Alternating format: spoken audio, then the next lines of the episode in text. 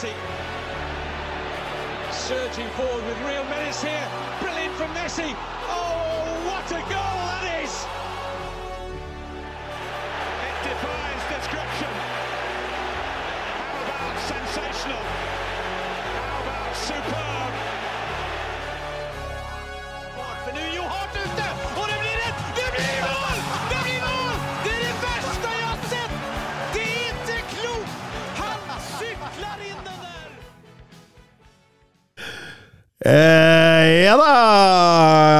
Velkommen til episode 226 av den eh, vidunderlige fotballpodkasten 90 minutter. Eh, med meg i studio har jeg som vanlig Mats Granjavold. Hola. Og Søren Dupke. God dag, god dag. God dag, god dag. Um, jo, en liten historie. Eh, jeg har vært på jobb helt til nå, så jeg har egentlig vært på jobb i sånn 11-12 timer. Eh, går nedover i pissregn, for det regner jo. Altså skikkelig, liksom. Eh, ser jeg Dupkersen eh, kommer kjørende i bilen. Veiver, gestikulerer, roper og hopper foran. Jeg, altså, jeg er så nære bilen til Dupker at kan, jeg kan se ansiktsuttrykket hans. Men han bare zoom! Det var ikke noe busstopp, også det var ikke noe lomme å stoppe i der, vet du. Det var helt sikkert derfor. Ja, det, Og tenkte, her kan jeg jo ikke stoppe! Jeg så det ærlig talt ikke. nei, jeg, jeg skjønte det av blikket, men det var, det var sånn sånn Å, nå blir jeg redda av Dupker her. Det var den der kjipe nedoverbakka, ikke sant? Ja. Ned, ned fra hovedveien. Ja, fy fader, for det, den, den var glatt. Da måtte jeg holde fokus på, på kjøringa, altså. Ja, Den var voldsomt glatt. eh, Nei, jeg holdt på trynet på vei inn her sjøl, så det var, det var hardt. Det er hardt ute nå! Ja, fordi når dette regnet ligger seg oppå snø og blir til is Det blir sånn underkjølt regn, er ikke det man kan kalle det? Jeg tror det har vært mannefall bort på lokale Priksen her borte i dag, altså. Altså, der kunne du faktisk stå på hockey en 10-12 meter når du kom fra. kom Da hadde døkkeren stoppa, tror jeg faktisk. Han hadde sett deg på skøyter forbi Priksen der. Jeg har bare dratt forbi døkker igjen i hockey. eh, hvordan går det? Går det bra? Ja da, har det, har det, har det fint. Uh, var uh, siste frest med jula nå, så da, nå kan aften bare komme. Mm, mm, ferdig med julegaver og alt tull? Mm, Mm. alt tull. Det, er- det er deilig. Eh, og fortsatt fri med, med fotballaget. Ja, ja. ja. Nei, det er ikke noe i gang der før etter nyttår. Så er det jo ikke noe som er bestemt der heller, så vi, vi får vente og se. Mm, mm. Holder korta tett i brystet her, Døpker. Ja, han gjør det. Ja, ja. God pokerspiller. Hva med deg? Nei, jeg har det veldig fint, jeg. Jeg Begynner å glede meg til jul. Ja, I Ålesund? Ja. Ja. Det blir jo gøy. Nå kjører vi opp med 22., og så blir vi igjen der ja, nesten en uke. Så det blir uh, veldig hyggelig. Deilig, deilig, deilig. Eh, selv så drar jeg av gårde, jeg også, så det blir, det, blir, det blir veldig koselig med jul denne gangen, føler jeg. For jeg trenger det. Jeg har, jeg har hatt mye på jobb. Mm. Eh, føler at disse dagene nå, de, de trenger jeg, altså. Så, så det skal bli litt digg. Ja, og så er det noe med den juleferien som man, Når man har ferie, er ikke man reiser jo så mye, man har så mye aktivitet. Men akkurat juleferien, jeg føler at man, da Det er kanskje en ferie der man mest bare lener seg tilbake og bare slapper av for å gjøre så lite som mulig. Og er Mm. fryktelig fint til å lade batteriene på slutten av året. Ja, deilig. Jeg tror ja. Men du drar uten Facebook? ja, Var det noen av dere som fikk melding? Jeg fikk fra Ek Ekko Tangen. Ja, ja, jo. Ekko eh, Tango Ekko. Tango Ekko, var det. Ja, Ekkotangen. det er nye hva, hvem pokker er dette, tenkte jeg. Nei, For de som uh, ikke vet, jeg ble hacka, og jeg ble hacka noe så voldsomt. Uh, satt egentlig hjemme i går Nei, det var lørdag. Lørdag kveld. Satt så på fotball, selvfølgelig gjorde jeg det. Og så kommer det en, en melding fra en gammel kollega, hvor det står sånn at eh, Hei sann, legge siden sist og sånt. Eh, jo, jo. Hei, hei. Eh, du, jeg sliter litt med å komme meg inn på min egen Facebook, og Facebook trengte tre verifikasjoner av venner jeg kjenner, som kan si at jeg er the real deal. Eh, har du lyst til å gjøre det? Og så, så blei jeg opptatt av fotballen, så jeg svarte ikke. Og så, og så kommer det rett etterpå. Du får en SMS om fem minutter med en kode. Ja vel, den er grei. Eh, og den SMS-en, den kom jo. Jeg svarte ikke. Gjorde ikke noe med den. Åpna den eh, selvfølgelig, da, men for å se, ok. Og så tar det kvarter, og så er det en kompis av meg som er bartender, som ringer meg, altså. Du, du driver ikke med noe sånn stipend du og lover bort 200 000, eller? jeg tror du har blitt tacka, liksom. Ja, og, og de påfølgende dagene nå Jeg får flere telefoner enn eh, jeg får på bursdagen min. Altså, det er så mange fra fjern og nær, altså. Som skal ha stipend? Alle tenker at 200 000, det kommer godt med. Ja, takk. Nei da, så jeg eh, eh, kontakta Facebook, jeg fikk sletta hele, hele sulamitten, og nå tenkte jeg, nå skulle jeg Skal jeg ha en sånn superhemmelig konto som jeg bare har de nærmeste. Ja. Og ikke gå inn på noen SMS-er fra gamle bekjente. Nei, den der, den der var litt sur, altså. Den var det, fordi skulle jo tro at man måtte gjøre noe, trykke inn på noe, et eller annet sånt. Og det, da blir jeg litt bekymra. Mm. Er det skummelt, det da altså. Ja. ja, hva er det han har tilgang til? Eller det er sikkert bare en datamaskin som har gjort det, ikke sant, men Nei, det er kjipt. AI. De, de, de fleste som svarer på den her, da, de, de skjønner jo ganske fort at det er fake, Mm. fordi eh, eh, meldingen begynner alltid med 'Hei sann, hvordan går det?' lenge siden sist, ikke sant?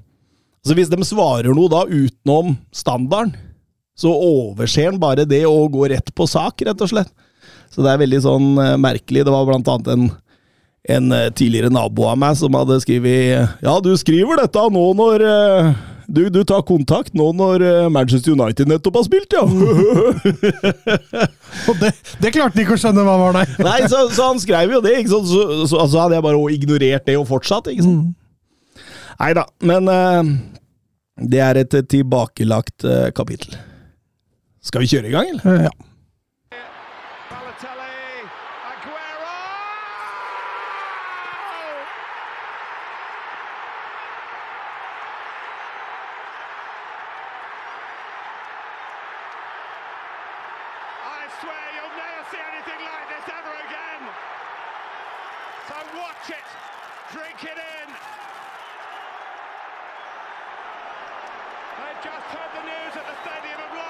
Vi begynner i eh, Nottingham med oppgjøret Nottingham mot eh, Tottenham.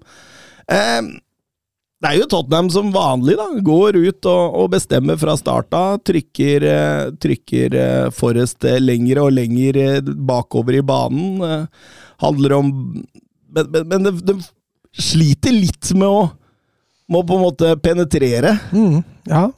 Nei, det kan være vanskelig, det. Eh, men altså, det, det er som du sier, altså, det er voldsomt høyt spill fra starten av der. Jeg skaper flere gode muligheter tidlig.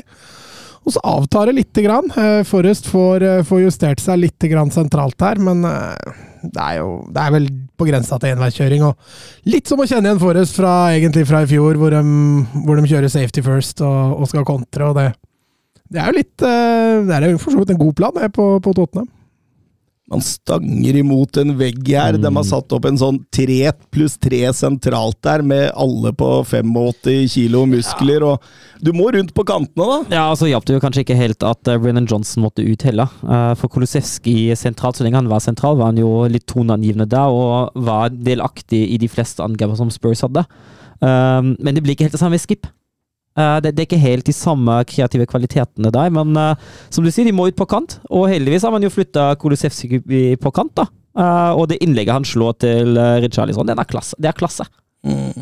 For, for en form Kulisevskij er for tida. Ja, BB sist match. Eh, tett opp mot BB den kampen her òg. Eh, fullstendig toneangivende offensivt i mye av det mye av det Tottenham foretar seg. Men det har imponert mest egentlig hvor, hvor vellykka det har vært å bruke den i en tierrolle. Han er jo selvfølgelig ikke lik som Madison, men, men han tilfører noe som Madison ikke gjør. og det og, og i kamper hvor man butter litt, så skulle man jo kanskje tro at det ikke nødvendigvis er det beste, men, men han, har, han har en måte å drive opp tempo på, da. Eh, som, som gjør at Tottenham får bruk for det. Eh, men som Søren er innpå som kant, og det funka greit i den kampen her, for Tottenham måtte jo rundt. Ja, de måtte rundt, og de måtte inn på kant, og, og, og, og svinge den inn, og eh, Men det er litt sånn selv uten Madison, da, eh, når man spiller mot en lav blokk Ok, man fikk noen overganger på seg, det var nesten uunngåelig, men Jeg satt og tenkte at eh, ok, men, men her har man en plan. Man har en, en, en, idé om hvordan man skal løse det. Det er liksom ikke opp til tilfeldighetene når man møter etablert def, da. Mm. Det, det, det, det, ser veldig greit ut. og Den fikk jo betalt rett før pause. Um, Forrest ekstremt gode da, til å stenge sentral, de sentrale kanalene. Det er det, det, det, er åpenbart at Cooper har gjort jobben her og så sett at ok, Tottenham overbefolker sentralt, da må vi stille med like mange mann. og Det, det blei jo en sånn litt sånn dragkamp uh, lenge.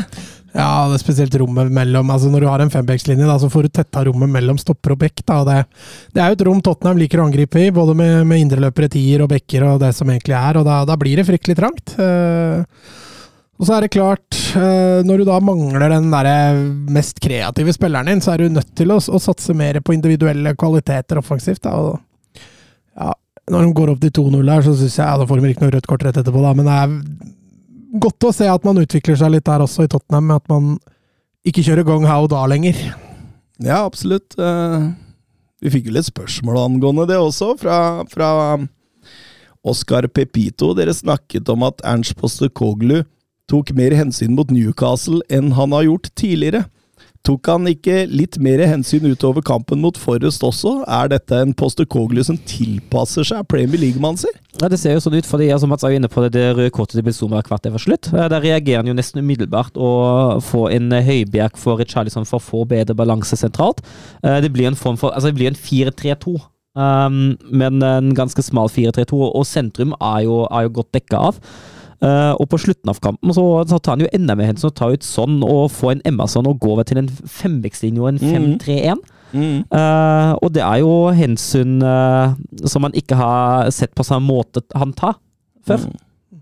Så ja, han, jeg føler at han tilpasser seg og, og, og viser på en måte også at han, at han, er villig til å holde på ledelse, da. Mm. Men Bizuma, da, Anders Rogne skriver her, hva har skjedd med de siste åtte-ni kampene? Har jo gått fra å være helt konge til å gjøre den ene feilen etter den andre. Han fikk vel sitt andre røde kort allerede. Hva, hva, hva, hva er det som skjer med han?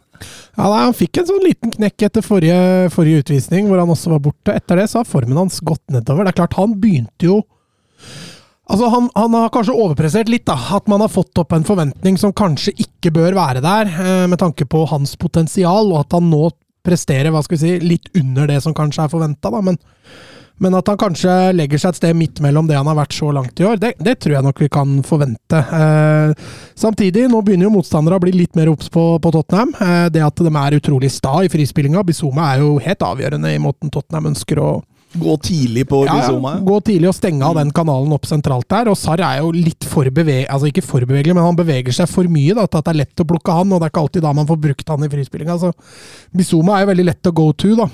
Mm. Og så har han jo hatt mye stygge ballbrudd. og det jeg tror han trenger å tilpasse seg litt. Han begynte nok kanskje litt høyere enn det man forventa, eh, og det man kanskje bør forvente. Og så får vi se hvor han lander hen. Men eh, han må nok opp et hakk igjen, altså for det han leverte nå etter forrige utvisning det holder ikke nivået i forhold til der Tottenham har spilt som lag den siste tida.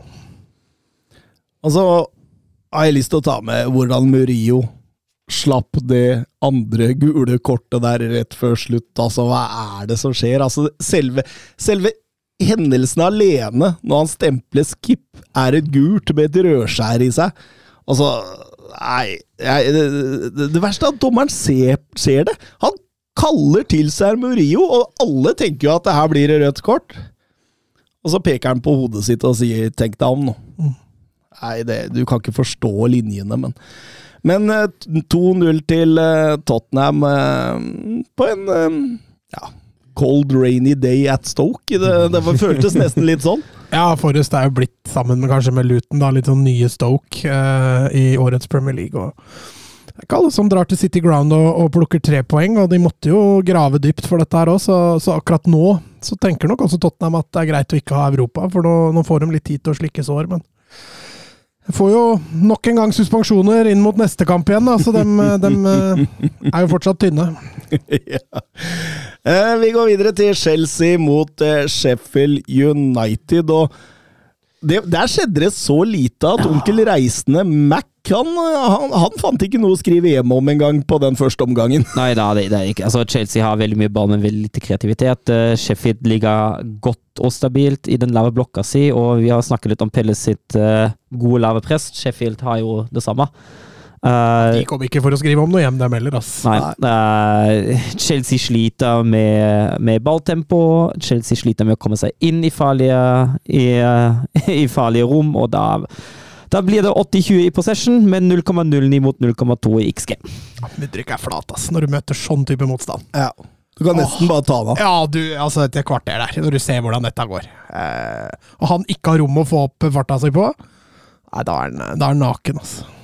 Ja, men og så ser man altså det, det, det, var nesten ingen plassbytter. Mm. Det var nesten ingen de, de, gikk i sine kanaler hele veien. Og, du ser utover i annen omgang, ja, så skjer ja, jo dette. og, det, og det, er jo essensielt, for da begynner de å komme seg inn i mellomrommet. Altså Palma han, han, er sentral, han er ute på kant, han bytter plass med, med, med Stirling. Ofte begge de to støter inn i mellomrom. De, eh, de har med presens der inne og begynner å spille seg inn der og komme seg rettvendt i mellomrommet. Det, begge mål resulterer jo i at Palma tar initiativ inn i mellomrommet.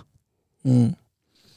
Ja, eh, denne godeste Palmer han har mål og assist eh, i denne kampen. Eh, de tre siste gangene en Chelsea-spiller har hatt både mål og assist i samme kamp før dette, var Cole Palmer mot Sheffield United, Cole Palmer mot Tottenham og Cole Palmer mot Burnley. altså, det er jo en suksesshistorie, dette. Ja, altså, jo, altså du, du, Man forsto litt salget når han gikk fra City, at dette er en spiller Men det, jo, det blir bare tydeligere og tydeligere at her kan hende City ha gjort en liten bom, altså. Mm. I hvert fall når du ser benken City har hatt i det siste, med skadeproblemene de har. At, eh, at man hadde hatt bruk for en Cole Palmer, det er det jo ingen tvil om. og han er jo i ferd med å bli det beste kjøpet Chelsea har eh, gjort. Så.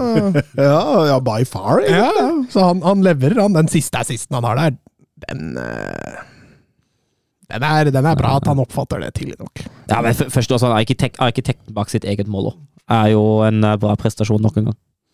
Ja, absolutt. Og, og, og, Sheffield United de kommer seg ikke etter Nicholas Jacksons 2-0-mål. Stirling nære tre, og, og da får, får man god kontroll. Boja, altså! Årets bom, eller? Du, vi har en uh, annen Ajax-spiller seinere. Okay. eh, Jørgen Nystuen, hva tenker man om prestasjonene til Chelsea? Var det bedring i dette? Jeg syns det så ganske flatt ut. Mm. Ja, altså det var jo, det var jo en veldig flatt førsteomgang. Og, og så blir det jo bedre i andre. Uh, jeg syns jo det. Og Så er jo Chelsea for så vidt i anførselstegn heldig at de skårer på de første to sjansene de skaper. Det gir jo litt uh, ro og fred videre i kampen, og så er det, jo, uh, er det jo god kontroll og mulighet til å skåre flere derfra. Men, men, det tar lang tid før man kommer i gang. Altså, nå er jo ikke sjef, Det Sheffield-laget som de spilte nå, det er ikke så lett å spille, men Chelsea Altså du har jo vært inne på det, det har vært veldig mye av den samme miljøet i den kampen. da, Man har ikke prøvd veldig mye i, i første, og det var, det var litt flatt batteri, altså. Nå er jo Kukku på vei, virkelig på vei tilbake igjen. Så, ja, han satt på benken? Ja, han var jo oppvarming òg, så han mm. var, nok, uh, var nok ikke så langt unna å bli kasta inn der. Men når han fikk 2-0, så tror jeg man kjørte safety first. Så. Ja. Men uh, det vil jo bli en Altså, hvis han kommer i gang, da, så vil jo det bli en uh, så Pochettino var ute nå og advarte mot at For høye forventninger, ja. ja vi må videre til Manchester City mot Crystal Palace. Og det var 75 minutter! Jeg tenkte her har vi Manchester City tilbake på i hvert fall 80-90% av sitt beste. Altså, her var de gode! Den 1-0-skåringa der, det er helt utrolig altså, at de greier å spille seg til rom og, og plass der. Uh. Ja, altså, og så ofrer han jo i den kampen offer jo Pep, uh, spilleren ved siden av Rodri, for å, for å holde bredden med Guardiol og Silva, og for å overlåde mellomrommet samtidig. Og så er det jo ofte de som kommer litt fra dypet og trekker opp, men det er jo ingen uh, partner til Rodri i frispilling. Det fungerer jo kjempebra likevel. For jeg er helt enig med deg at uh, City i hvert fall fram til 2-0 og litt lenger og spille, spille, en veldig veldig god kamp og bryte ned det Pelles-laget gang på gang. Ja, altså det var jo Dytte ball, spiller dem lavt, uh, skaper sjanser uh, fra side til side, ut og inn av rom. Altså det, det, var jo litt Manchester City offensivt som man kjenner dem på sitt beste. Mm. Ja, det var veldig god flyt og god timing i mye av det City foretok seg offensivt. Det er som Søren er inne på, jeg syns Guardiol holder igjen litt offensivt. Han har ikke ferdighetene til å være wingback, han altså. Det, det ser man i den kampen her, hvor han får mye å jobbe med på, på motstanders banehalvdel. Men Uh, at City kun skårer to mål her, det, det, er jo litt flyt for, for Palace sin del. Og at man ender opp med å ikke vinne den kampen her, det, det er et ganske stort ran, altså. Men blei det for komfortabelt? Altså Roa mm. dem til for mye med? Jeg syns etter hvert at når du begynte å passere timen der, at man spilte mer på tvers, mer bakover. Ja. at Man Man gikk nok litt i i forvaltningsmodusen, som kan være skylda litt de skadeproblemene som Mats har vært inne på. At uh, man har en litt tynn tropp og prøver å hvile så godt det lar seg gjøre de spillene man har, og ikke gjøre mer nødvendig. Man uh, og så har de vært gode til det før. ikke sant? Altså De har vært gode til å, til å dra i land ledelser tidligere. Uh, kanskje ikke i det aller siste nå, men uh, men det er jo det Laget har egentlig vist at de kan det, men uh, det beit dem i bakenden denne gang. Ja, for Mateta han sklir inn 2-1 der etter 75, og likevel så tror man jo at dette her går fint. Men så plutselig skjer det noe med Palace. altså de, Selv om de får 2-1 der, så er det jo ikke sånn gung-how. De, de, venter og venter og venter. og ja, det, ja Men de tør å sende fram flere folk ja, da, når de vinner ball. Men, men, men sakte, men sikkert. Det er ikke mm. sånn at de jobbe videre på det momentumet. Det er først eh, fem minutter før slutt at de virkelig begynner å gamble. Mm. Og eh, da får de et eh, straffespark. Det er Phil Folden som mister fullstendig oversikt på overtid der. Ja, han, først mister han vel ball òg, uh, og så havner han inn i feltet der, og litt klønete, egentlig. At, uh, og, og, John Stone står jo klar på sida der, så, og han sto der lite grann, så det var kanskje litt uh, upepsk å ikke gjøre det byttet tidlig nok. Mm. Banker Mateta i bakken der. Eh, soleklar straffe. Mikael Olysée eh, sender Ederson feil vei. og Snakk om å kaste bort to poeng i, mm, ja. i tittelkampen her. og det, det, er jo nesten litt sånn uvirkelig at Palace klarer å komme seg. Ja, men Det er litt sånn uvirkelig at City gjør en sånn blemme også. Mm. Ja, og Torjus Hansen spør hva er feil med City for nå, altså? Hør de siste fem kampene til City i Premier League. 4-4 mot Chelsea, 3-3 mot Tottenham, 1-0-tap mot Villa. Knepen 1-2-seier borte mot Luton, og så 2-2 her. Det, altså, det gir seks poeng av 15 mulig. Liverpool 1-1 var inne i den miksen da, jo. Uh, ja, det var det. Faktisk. Ja. Um, det hjelper jo ikke på nei, statistikken. Nei, det, det, gjør ikke det. Det er bare, bare understreker poenget ditt. Nei, altså, jeg, jeg syns jo, jo, det er litt sånn i begge ender. Da. Altså, altså, man er jo i, i noen kamper som den her, er man litt for lite effektive. Um, det er sjelden at City nå skårer flere mål enn forventet. Sist var det vel tydelig mot Burnmouth da de, da de skåra seks. Uh, men det er ikke sånn at de, de har no, Hvis man ser på expected goals, at de har noen veldig positive, positive resultater sammenlignet med det de bør skåre. Tvert imot. Uh, og så får man for enkle baklengsmål, rett og slett. Føler, altså akkurat nå føles det som at motstanderne som uh, trenger ikke å gjøre så mye. Uh, for å score på City. Altså, kan man jo snakke om at ja, det er, det er litt uflaks og litt utur for alle. Hvis man ser på XGA de men, men, men det, det, blir litt for mange av, av de baklengsmålene og de situasjonene der. Det har vært for mange kamper der man har, har fått baklengsmål med forholdsvis få sjanser imot. Uh, men, men, men, er, det, er det balansen, da? Er det Rodri? Er det, er det stopperparet som ikke er gode nok? Hva, hva, hva, hva er det? Nei, Det tror jeg er ganske sammensatt. Altså, Én ting er det mentale. Nå er de inne i en litt sånn ugate. Du så det mot Luton òg. Uh, hvordan, hvordan, de, for det første slipper inn litt for enkle mål. Det blir for åpent sentralt. Altså det Straffesparket de lager på slutten her mot Palace òg, det, det, er fryktelig urutinert. Uh, så det er mulig det har sniket seg en litt sånn ekkel tankegang der, at, at uh, selv på 2-1, og vi er City, så så, så, kommer vi til å få trøbbel, men eh, at det er en ubalanse på midten, f.eks., det, det syns jeg ikke det er. Jeg syns ikke det ligger et problem der sånn i utgangspunktet. Man er litt for svak i akkurat de for avgjørende øyeblikkene der, og eh, jeg tror dette er kun snakk om detaljer før man, før man har retta opp i det igjen, men det handler også om godfølelse, det handler om å mestre det. Nå har de som du sier, de har én seier på de siste seks, og det, det er ulikt City, altså. Ja, er Hvis man ser på expected goal, så er det jo klart på vei, da. Det er jo ikke noe, hvis man, hvis man bare ser på den statistikken, så er det jo ikke mye feil. Det er, det er avvik fra det, men, uh, men likevel det er klart at det ligger en utfordring der. Ja, Nå har de jo til og med fått luke opp. 70-30, eller? 80-20. Nei, men det er vel flere inn i miksen der, så det, det, det, blir litt tidlig å dra de konklusjonene der ennå. Men uh, når vi kommer ut i sånn februar-mars, da skal vi få noen prosentramme her. Uh, Arsenal-Brighton, uh, tapet mot Villa på Villa Park. Det var en, en nedtur. brukte et reserveprega lag i Champions League i midtuka, var allerede videre der. og og kom ut fra startsblokkene, litt som det gode gamle Arsenal på sitt beste sist ja. sesong. Her var det rett ut og gi strupen på, ja, på Brighton. Voldsomt. Eh, ekstremt offensive, ekstremt gode i presset òg. Eh, lot ikke Brighton eh, etablere noe som helst, egentlig, eh, før de var rett over dem. Eh, veldig fokusert også i arbeidet mot ballen. Og begynner jo ganske tidlig å bli farlige. Og er jo en del nesten situasjoner før de kommer til de første avslutningene, men uh, det var ikke noe tvil hvem som skulle være uh, det førende laget i den kampen. Nei. Lukayo Saka involvert i alt de har, altså! Ja, men Har du sett James Milner? Hva tenkte han på der? ja, Det lurer jeg på. Han så gammel ut der. Ja, han så skikkelig pensjonist ut når, Milner, nei, når Saka skrudde opp. Svimmel blir han etter hvert òg. han, han, tror jeg fortsatt står og snurrer ut på sida der, faktisk. Men eh, nei, jeg er helt enig. i Det Arsenal altså Det var til å kjenne igjen fra i fjor, dette. Dette var liksom Arsenal på sitt beste i fjor. Eh, altså Gode i gjenvinninga.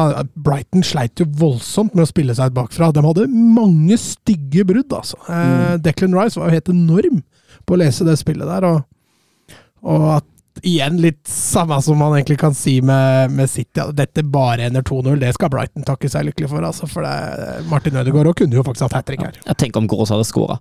Ja, på, på slutten, på slutten der, ja. På 1-0, ja. Ja. Mm. ja. men det er jo denne Havertz da som Ja, men han har jo begynt, i hvert fall begynt å levere målpoeng, da. Selv om jeg syns ikke spillet hans nødvendigvis er fortsatt så veldig bra. så så har han i hvert fall begynt å levere et sluttprodukt, og det hjelper jo voldsomt da, med tanke på den prislappen han kommer med. og det er klart, Dette kommer jo til å generere selvtillit, og så får vi se. Uh, kan jo hende at det løsner litt mer spillmessig for han nå, selv om jeg fortsatt står på at han spiller i feil posisjon for å få ut makspotensialet sitt. Ja, men I den kampen her nå, synes jeg, altså med tanke på at eh, Arsenal satt opp så mange trekanter på kant, og Ødegaard ofte var ute på kant, så var jo, Arsenal, var jo Havertz veldig ofte å finne sentralt bak eller ved siden av Jesus i mellomrommet, i den posisjonen han liker så godt.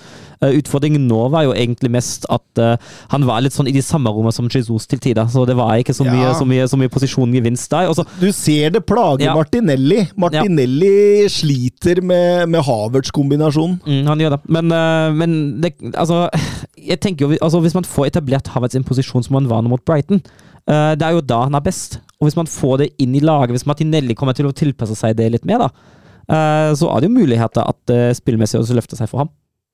Men var, var det en unormalt feig De Serbi vi så her? Nei. Eller jo, det kan godt hende at han har tatt hensyn. Du så jo at det var et litt mer defa... Altså, de var mer forberedt på å ligge lavt. Ja. Det så du. Eh, men jeg syns jo de fortsatt prøver veldig å spille seg ut bakfra. Det er ikke snakk om å slå langt uten at man absolutt må. Og, og når, man greier, når, man først greier, å flytte opp spillet, så kommer man jo med mange. Eh, så ja, mulig man tok litt ekstra hensyn, men samtidig så, så syns jeg ikke de mista identiteten sin. Nei da, og Arsenal uh, var tett opp mot 100% i denne kampen. her, Det er det ingen som helst tvil om. Brighton hadde skåret i 32 Premier League-kamper på rad før denne, med et gjennomsnitt på over 2,1 i XG og 17 avslutninger per match. Brighton eh, mot Arsenal hadde 0,7 i XG og 6 skudd mot mål. Det må kalles bråstopp. Ja, det er litt, Jeg tror den 077 var Gross, hadde vel 0,6 av dem. Ja. 06 av dem, så det, det, er mye som uh, hviler på den sjansen der. Nei, altså Brighton var overraskende tannløs offensivt. Den begynte, den begynte å stresse litt på slutten her, der de fortsatt hadde 1-0, som var egentlig litt utrolig at de bare hadde. Så man merka jo da at man kanskje hadde litt troa på det, men uh, Nei, det var, det var, litt tannløst offensivt. Han gjør tidlige bytter òg. Joao Pedro kom jo ganske tidlig inn i andre omgang for å prøve å bryte opp litt, og Evan Ferguson var jo ikke i nærheten av å skape noe som helst. Så. Men, men, det er litt som du sier, og da, jeg tror ikke det er mange lag som hadde skapt mye på den Arsenal-prestasjonen de hadde. Holder Arsenal inn denne gangen, spør Vebjørn Fredheim. Nei, jeg tror ikke det. Eh, Ja, hvis dette er normen framover, så skal Ja, jeg, tror jeg det- det, kan bli bra. jo, jo, men de har variert en del denne sesongen her. Um, jeg ser fortsatt ikke en spiss som skårer 20 pluss mål. Uh, det er en svakhet. Uh, troppen er bred, riktignok, men vi har jo Ja, er den så mye bredere? Altså, det er jo det er jo flere spillere med, med høyere kvalitet nå, uh, men vi har jo diskutert pro, eh, utfordringer som de har i det offensive spillet. Vi Jeg har diskutert utfordringer etter Chaka. Eh, de er jo ikke løst helt ennå, uh, for å se om de får løst det i det hele tatt. Om de får lagt det om, eller hva som blir valget. Men jeg, jeg ser ikke at dette AC-laget skal stå, skal stå løpet ut. Det blir topp fire, det er jeg ganske sikker på, men eh, at det blir gull, det tror jeg ikke. I hvert fall ikke til som ting framstår nå. Nei, jeg tror du kan si topp tre òg, med Ja. sikkerhet. Men Ja, altså Liverpool og City er vel kanskje de som har Men jeg tror f.eks. Villa vil jo avgi mer poeng etter hvert. og Tottenham er jo et stykke opp, men uh... de er et par år for seint i prosjektet sitt. Mm. Simen. Eh, Erevik med etternavnet her, Arsenal-fan, så vidt jeg veit. Eh, spør om vi begynner å få se Havertz i god gammel Leverkosen-form. Og i tillegg eh, Havertz og Jesus-skåring må ha svidd for gamle Dupker. Jeg, jeg digger det gamle Dupker!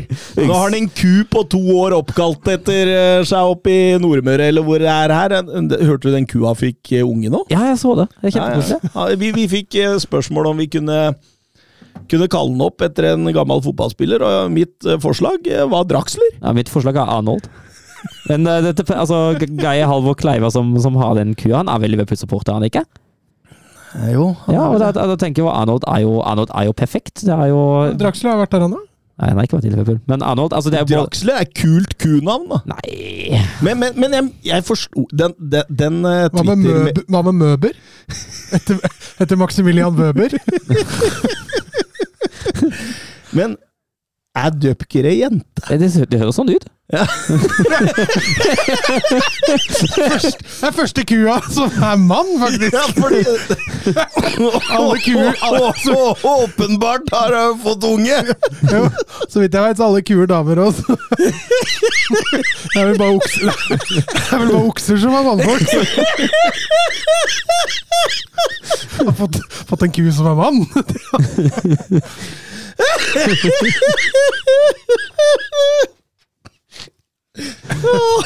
Oi, oi, oi! Ja, selvfølgelig! Men, men, men eh, hvor, hvor var vi? Vi var på at det svidde for, skulle ha svidd for meg, eller skal svidde for meg med, med Jesus og Havertz. Og, nei, altså jeg skjønner hvor han vil hen, men eh, når det gjelder Jesus, jeg mener jo bare at den er ineffektiv. Jeg ønsker meg ikke noe vondt. Altså, Hyggelig for ham at den scorer for all del, men eh, jeg, Åh, jeg mener jo skulle at bare, skulle bare visst her gjennom mikrofonene skrus av, så sitter, sitter Dupker her og, med vododokka sitt av Jesus og skaderen.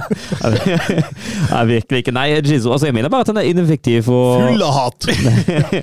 og det, det er han jo, fordi ifølge XG-en hans bør han ha 3,99 og ikke de tre han har. Så han begynner jo den sesongen nå. Um, når jeg Havertz, Havertz er jo en spiller jeg, eh, jeg har ekstremt mye sans for. Jeg syns Havertz er, er konge, og jeg håper jo at Havertz lykkes. Og jeg tror jo av oss tre er den som har vært minst negativ, eller mest positiv, som akkurat hvor man vil ha det til overgangen fra, til Havertz til Arsenal. Eh, så- Jeg er enig i Dupker. Jeg, jeg er ikke positiv, og jeg er ikke positiv enda. Altså For den prisen av 75 millioner euro. uh, nei eh, Altså, at den er overprisa, det er det ikke noe tvil om. Ja. Det er jeg helt enig i. Og så, og så skjønner jeg altså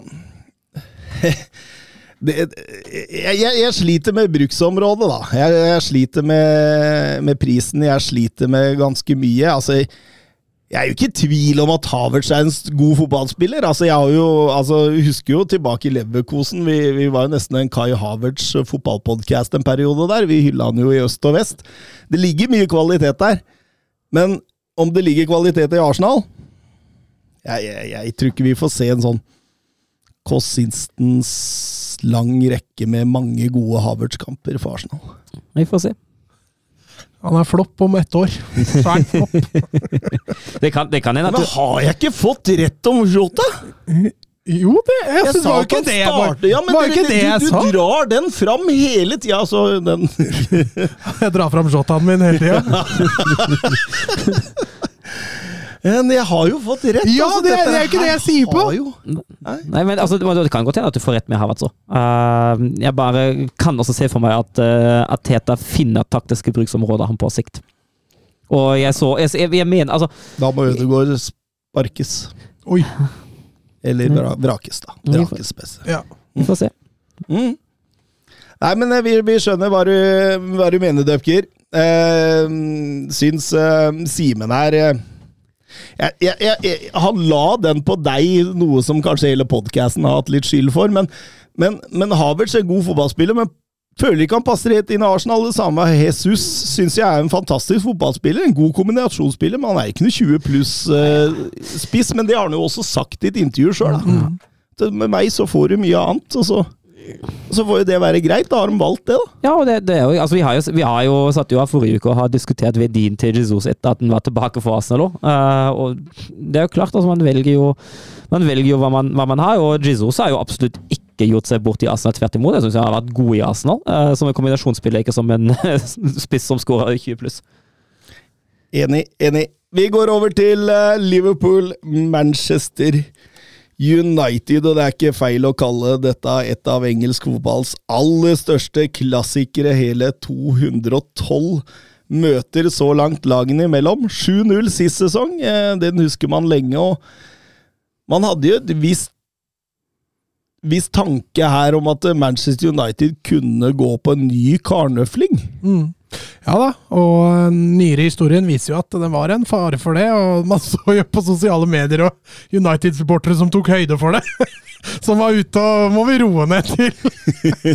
Så det er litt artig. Men eh, nei, man var jo forberedt på det. Et United-lag som sliter både med skader og suspensjoner, som vi har snakka om i vide og det breie nå. Og et Liverpool-lag som er i, er i langt mer flyt. Så man var jo egentlig forberedt på at det her kunne eh, eh, United får det svært tøft, altså. Men, men, men det skjedde litt motsatt denne gangen. Normalt sett eh, Liverpool går litt rolig ut, og så sakte og sikkert så tar de et kveletak på motstanderen. Nå så gikk de ut i 190, og så ble det sakte og sikkert litt dårligere. Ja, det, det var jo en voldsom aggressivitet fra starten av. Vel, eh, av vel en voldsom gjenvinning og Kån etter 16 sekunder. Satt litt sånn ton for starten der. Uh, og i det klimaet velger United også å begynne å spille seg ut. Eh, det, det var jo kanskje ikke det lureste valget med tanke på hvordan Liverpool kom ut, og hvordan, hvor aggressive Liverpool var. Spilte på seg brutt på brutt, eh, og tillot egentlig Liverpool å ha et sånn permanent press på dem, i hvert fall i første ti minutter.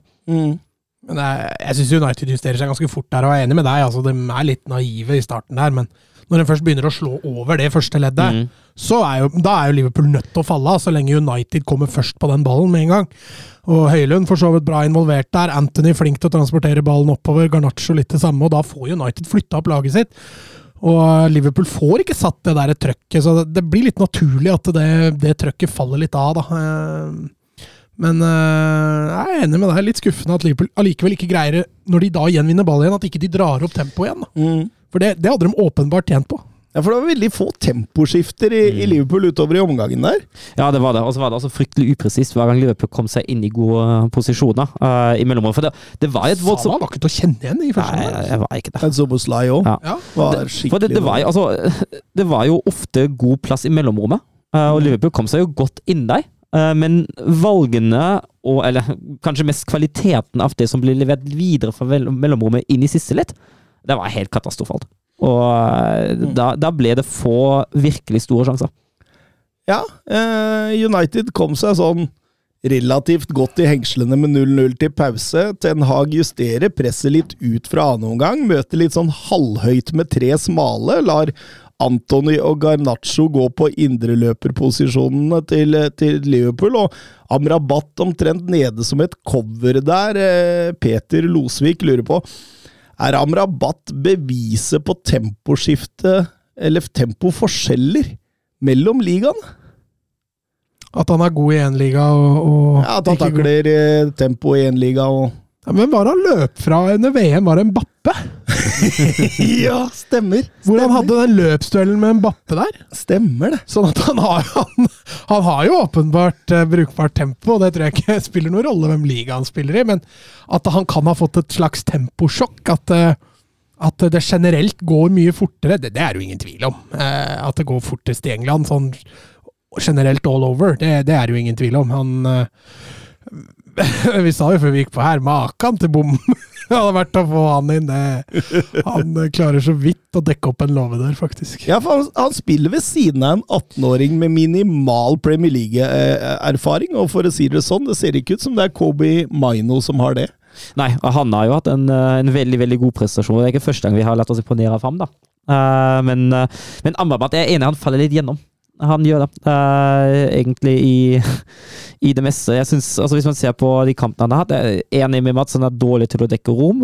Han, han flytter seg ikke fort nok. og så er det noe med frispillinga. Jeg syns frispillinga til Amrabat har vært direkte svak. Mm. Uh, det, er det, er skummelt å bruke han i ja. frispilling. Altså. Det, det, han er ikke til å kjenne igjen fra det fantastiske VM han har hatt. Altså.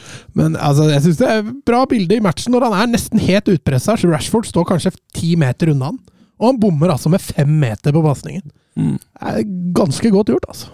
Ikke bare tempo, men kvaliteten i det han leverer ja, også. Altså, men det er klart, han har nok ikke all verdens med selvtillit etter den starten han har fått. så skal selvfølgelig ikke glemme det mentale aspektet her, men jeg, jeg syns det skinner gjennom litt for store mangler da, til at han skal kunne spille fast på, på en antatt topp seks-klubb i England. Det, det, sier vel også litt om skadeproblematikken i United.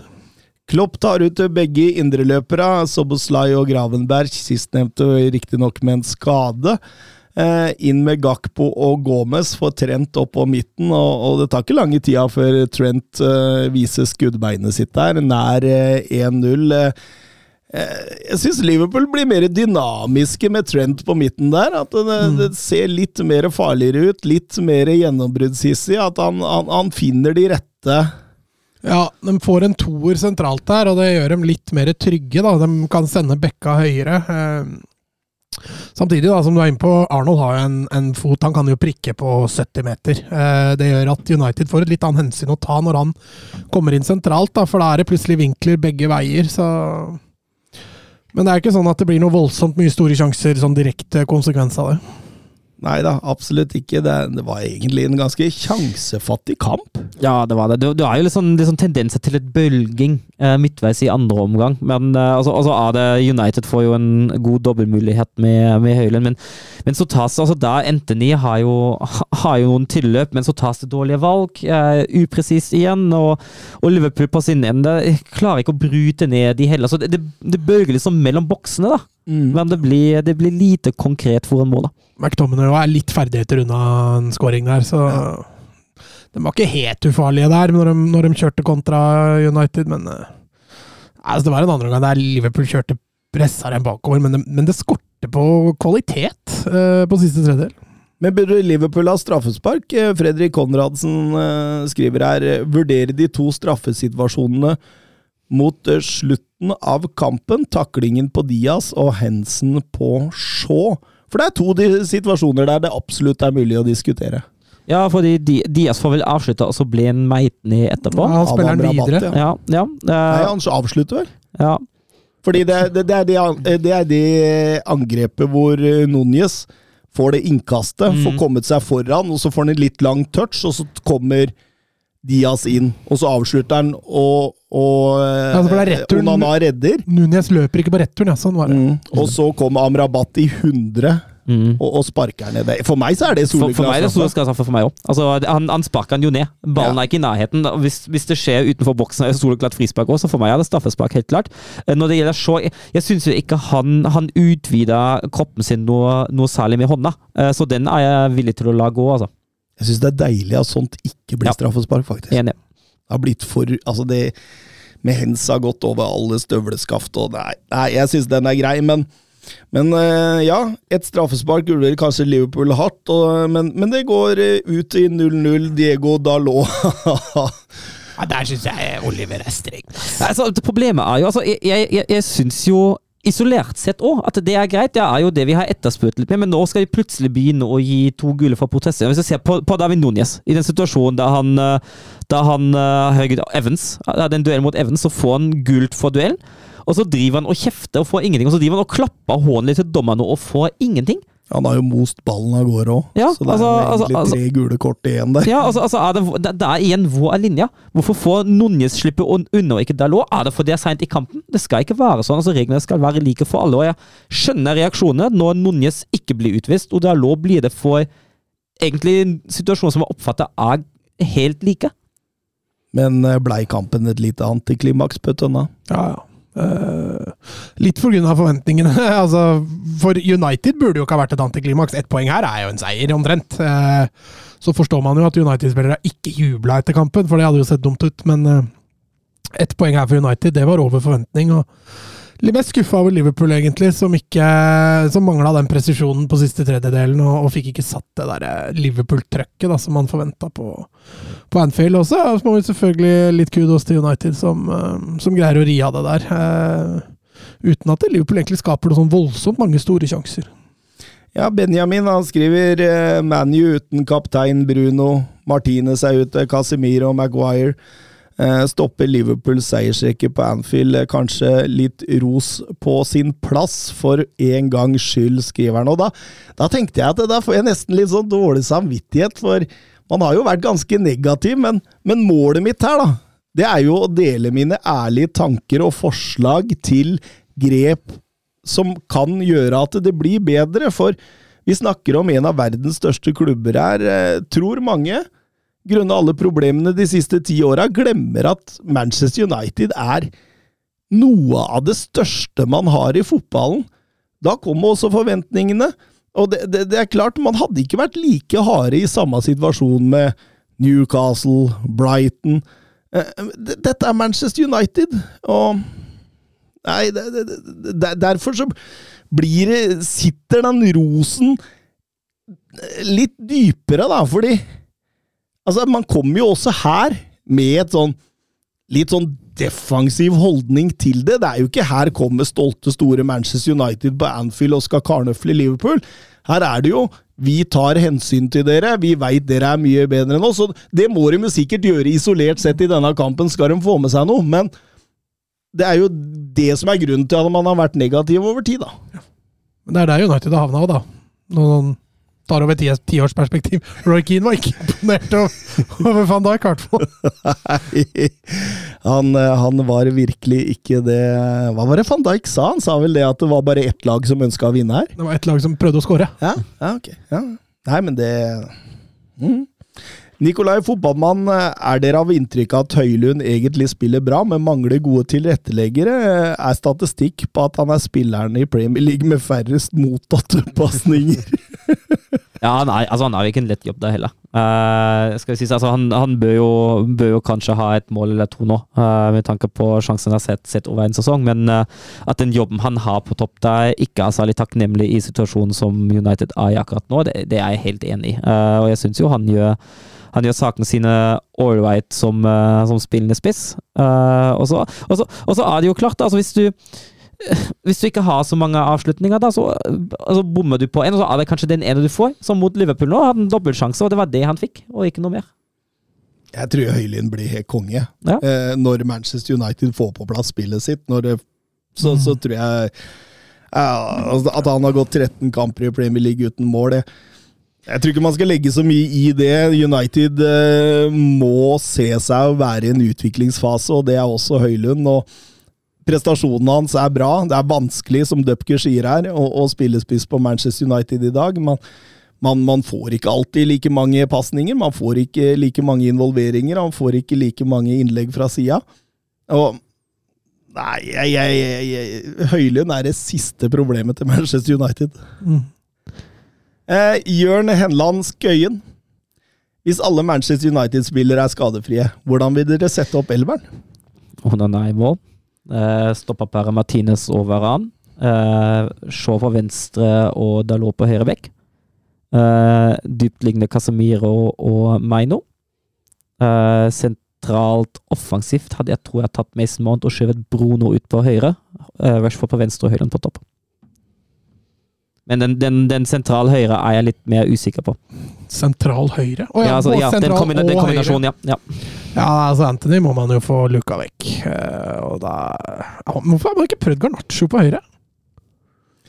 Ja, Ja, det, det, det, det, det, er nesten hadde vært fristende å prøve. Ja, men bare sett, da. Altså, jeg har ikke sett den på høyre. Har den vært noe på høyre? Nei, det tror jeg ikke. Nei, det har jo vært Westshot som har blitt ute ut til høyre når Garnaccio har spilt venstre. ja, ja. Men altså, Jeg jeg, er ikke. i tvil om at Garnaccio er best ut venstre. Altså, jeg, jeg tenker det, jeg òg, men, men her har kanskje to av dine fremste offensive spillere i samme posisjon. Da, så da må man jo prøve begge deler. føler jeg. Mm. Ja, Du veit liksom at han ene ikke funker eh, Mm, ute der, så da var det greit å prøve han Kan andre jo prøve han andre òg.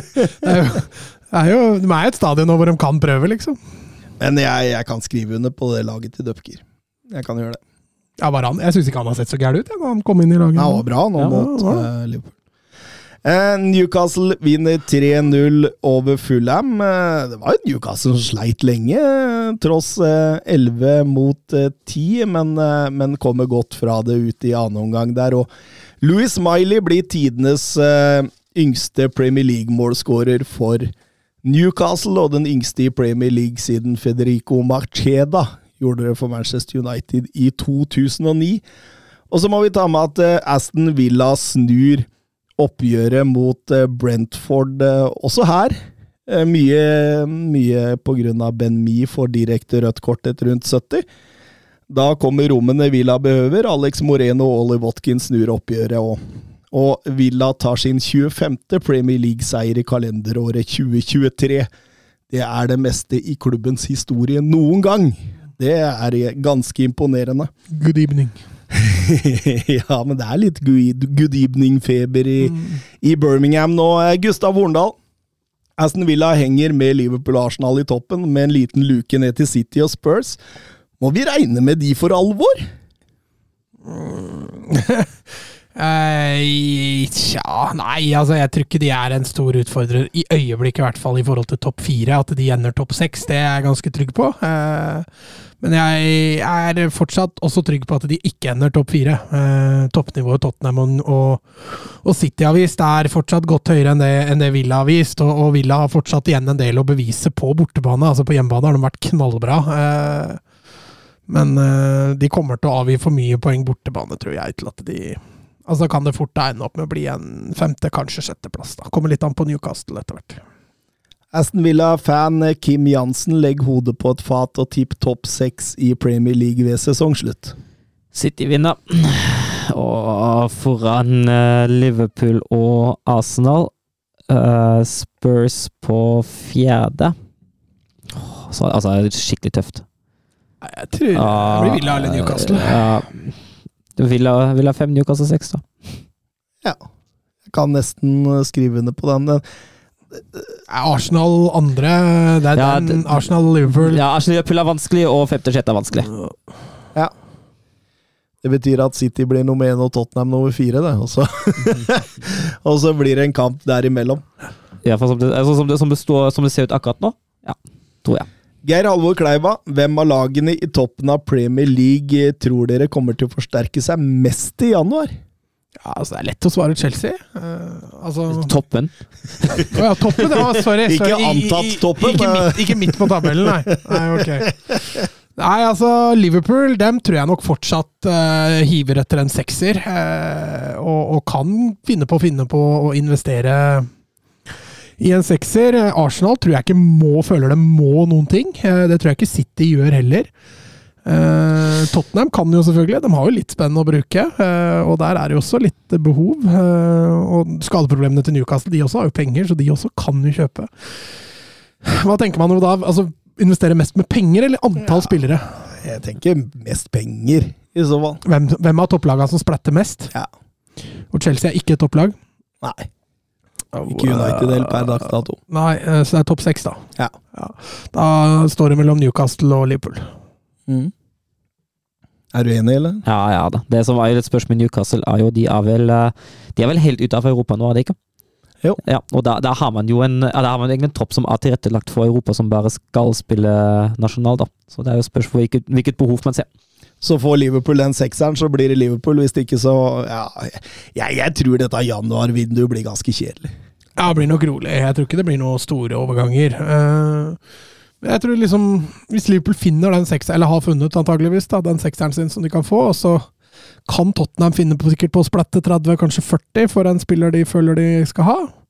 Og så kan det som sagt hende Newcastle spretter en eh, litt samme, men altså, du får ikke Jeg er i tvil på at Oshimen drar nå, liksom. Det tror ikke jeg heller. Jeg tror det kan bli Tottenham om både Dyer og Høibjerg drar til Serie A. Mm. Det er, det er store sjanser for at Høibjerg kan ende opp i Juventus og, og Dyer i Roma. Og eh, da, da trenger Tottenham eh, forsterkninger. Eh, vi går over til eh, La Liga. Ja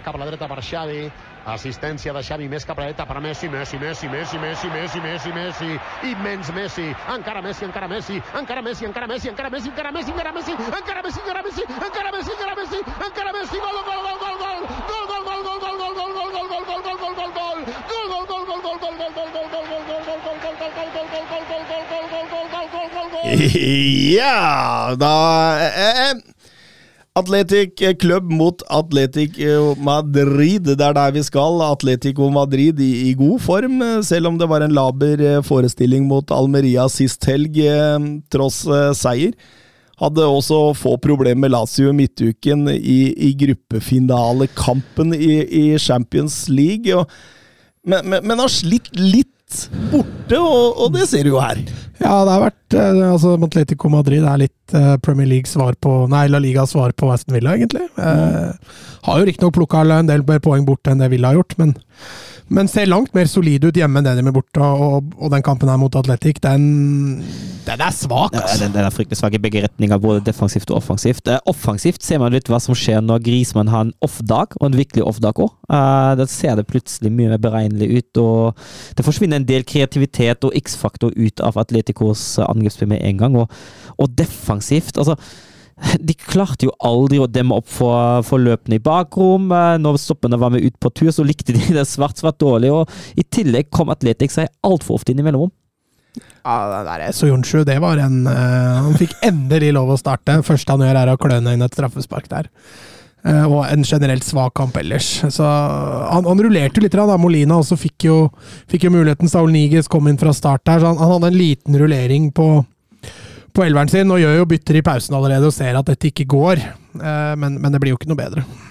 Men, eh, men et spørsmål fra Kasper Viktor Ruud Haaland fikk meg til å tenke litt, for han skrev Vil et Atletic Bilbao på San Mames være noe av det verre å møte for Atletico Madrid, taktisk sett, Diego Simione sett? Og, og, og, og da tenkte jeg ja, faktisk. Altså, Atletic Club pa- passer dem så veldig dårlig fordi de overlater så mye av spillet til Atletico Madrid. Så bare venter de på disse overgangene, stuper i angrep i de ledige romma. Eh, på mange måter akkurat sånn Atletico Madrid vil gjøre det sjøl. Altså, de, du møter seg selv i døra, bare du møter et lag som er enda mer på en måte Ekstreme. Ja, at de, de, de har tålmodigheten til å vente. Og, og, og du ser Atletico Madrid lider av det, rett og slett. Ja, jeg syns Atletico også sliter i frispilling her, da, når Atletic står høyt. Eh, de pådrar seg mye stygge ballbrudd. Eh, eller kanskje ikke så stygge ballbrudd, da, men de kommer seg aldri ut fra frispillinga si i Atletico Madrid. Og allerede der så begynner det å skorte litt, da. Eh, Sandseth som brenner jo det straffesparket, pluss en annen gigasjanse i første omgang der. Så Atletico Madrid er jo heldige som går til pause med med 0-0, selv om det røyk tidlig i andre omgang der. altså. Mm, Brødrene Williams der. Ja, de var et mareritt for dem, altså. alltid Altså, i bakrom. De, ja, men de kom seg rundt bekken hver gang òg. Mm. Altså, Molina og Samuel Lino sleit jo big time, én mot én. Ja, absolutt. Uh, Guruseta setter 1-0 tidlig. Nico Williams eh, setter 2-0 eh, med en fantastisk scoring. Ja, godt treff. Eh, drar seg inn fra sida der og bare bender den inn. Diego, Di- Diego Simione applauderer, ser du det? Ja. Det har vi sett den Ja, gjort men- før. Gjorde den det for scoringa? Jeg satt med et inntrykk av at det var for at kom igjen, gutter, vi er ikke Ja, men man, kampen man har ikke- sett det gjort, han har gjort det før. Eh, husker ikke helt mot hvem. Okay. Men det så nesten ut som han gjorde det Ja, jeg kan godt kjøpe den, hvis det er det han gjorde. Jeg, jeg tolka det som at han liksom Kom igjen, gutter, kampen er ikke ferdig. Et klapping. Men kampen var jo ferdig. ja, det, men det var det jo fra minutt én. Altså, når han ikke klarte å justere i pausen der, så skjønte man jo at det, dette har vært ferdig helt siden starten. Mm. Og da taper Atletico Madrid sin tredje strake bortekamp. Det har kun skjedd to ganger tidligere under Simione. Ja, men de har, jo- altså, dette er jo riktignok altså, Atletic, Atletic Klubb ligger jo godt an i toppen der. Og, og jeg skal ikke si de banker på døra til topp fire, men de ligger jo på femte, med et lite opp til, til Barca, blant annet. Så dette er jo topplag, men de har jo slitt i borte mot båndlag også, og det, det er litt ulikt eh, Atletico Madrid. Vi må over til Sevilla mot eh, Getafe og Diego Alonso, som fortsatt hadde til gode å vinne en La Liga-kamp som Sevilla-trener, og begynte å kjenne det brenne voldsomt ut det beina på den her, og da må man jo vinne hjemme mot Getafe. Og eh, ja, nå skal jeg ikke foregripe begivenhetene, men det blei jo, ble jo siste kampen hans. Og, og det blir nok ikke noe seier i La Liga da med det første uansett uh, lag, men får jo en forferdelig start der. Eh, Jeg syns de er strenge på den hensen. Ja, det, den syns jeg, den synes jeg er voldsomt billig første sammensparket der, altså. er jo meter til hånda der. Det er greit han ikke er helt inntil kroppen, men uh, hva får gjort, liksom? Uh, så jeg føler den blir straffa knallhardt der. Uh, Getafe Borja Majoral setter den straffa, og da da starter man på en måte kampen på 0-1, og, og man, får en, man får en dupp der. Og jeg syns Sevilla spiller en meget svak førsteomgang. Eh, her er det ikke bedring å spore, det er gått feil vei. Eh, så vanskelig å si hvor mye den straffa hadde skyld for det, men det plan, plutselig så det helt planløst ut offensivt. Defensivt så er rommene igjen store, sånn som de har vært tidligere. Eh, nei, eh, dette var på en måte punktum finale. Man skjønte etter kampen at nå, nå er det ferdig. 29 minutter holdt han seg etter kampen var slutt. Ja. Så fikk han fikk. Og det, ja, det, jeg, jeg tok ikke tida, jeg da, men eh, det, Nei, det var- det var- høres riktig ut. Det var en avis som gjorde det. Ok. Men det var, det var jo Getafe og Bordalas-fotball her. Ja, ja, ja. Utrolig aggressivt. da. Det er, ikke, det er ikke lett å komme unna dette her. Nei, og det er kanskje litt her Sevilla burde vært, da, i hvert fall aggressivitetsmessig. Det er de jo langt unna. Jeg tror dette er litt sånn resultatet av dårlig selvtillit og dårlig følelse. Eh, når du starter kampen på 0-1 og du møter et lag da, som nesten kapper beina av deg hvis du setter en fotfeil, så, så, så var det litt dømt å bli sånn. Og, og når Haime Mata setter 2-0 der så, Nydelig ball av Greenwood. ja, ja, ja. Fin, fin vending først, og så vender han bort der og slår en god vekta ball. Så, og da, da, Det er nesten litt sånn du føler kampen er avgjort. Og det Rakitic driver med utover i kampen, er bare spiller umotivert ballen bort. Altså Sevilla knap, skaper jo knapt nok en sjanse. Hele matchen, altså. Så, og Greenwood får jo æren av å sette straffespark på, på slutten der. Og nå er det Kiki Sanchez Flores som skal eh, redde dette. Det, det, det, hva- altså, vi snakka om manglende klubbstruktur og, og rød tråd i, i Napoli. Hva, det, dette her er, er verre, altså. det, det, dette er verre, men jeg, jeg tror de får panikk nå. Jeg tror Ja. nå, nå handler det om å berge stumpene for dem. Ja, den sesongen her er ødelagt nå. Nå er de ute av alt som er i Europa. Ja, og De er ikke langt unna Erik.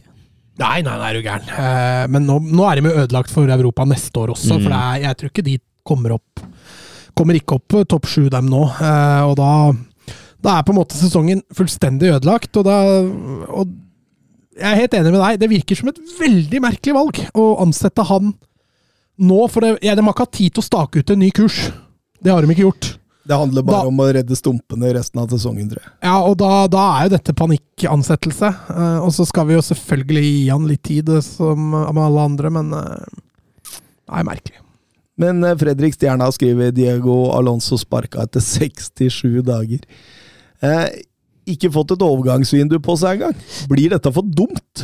Ja, altså, jeg er, jo, jeg er jo ikke uenig i det, men samtidig altså, Han har jo ikke hatt noe resultater i det hele tatt å vise seg. De eneste to seirene han tok, var jo mot, eh, mot eh, lag fra lavere divisjoner i cupen. Eh, på et tidspunkt må man vise til resultater, og Altså hvis, hvis, man, altså hvis man skulle gitt ham et overgangsvindu, da, hvis man skulle gitt ham januarvinduet, så måtte man gi ham litt mer tid der òg, for å se hvordan de, hvordan de nye fungerer og hele pakka. Og fram til da kunne Sevilla allerede ha falt godt ned i uh.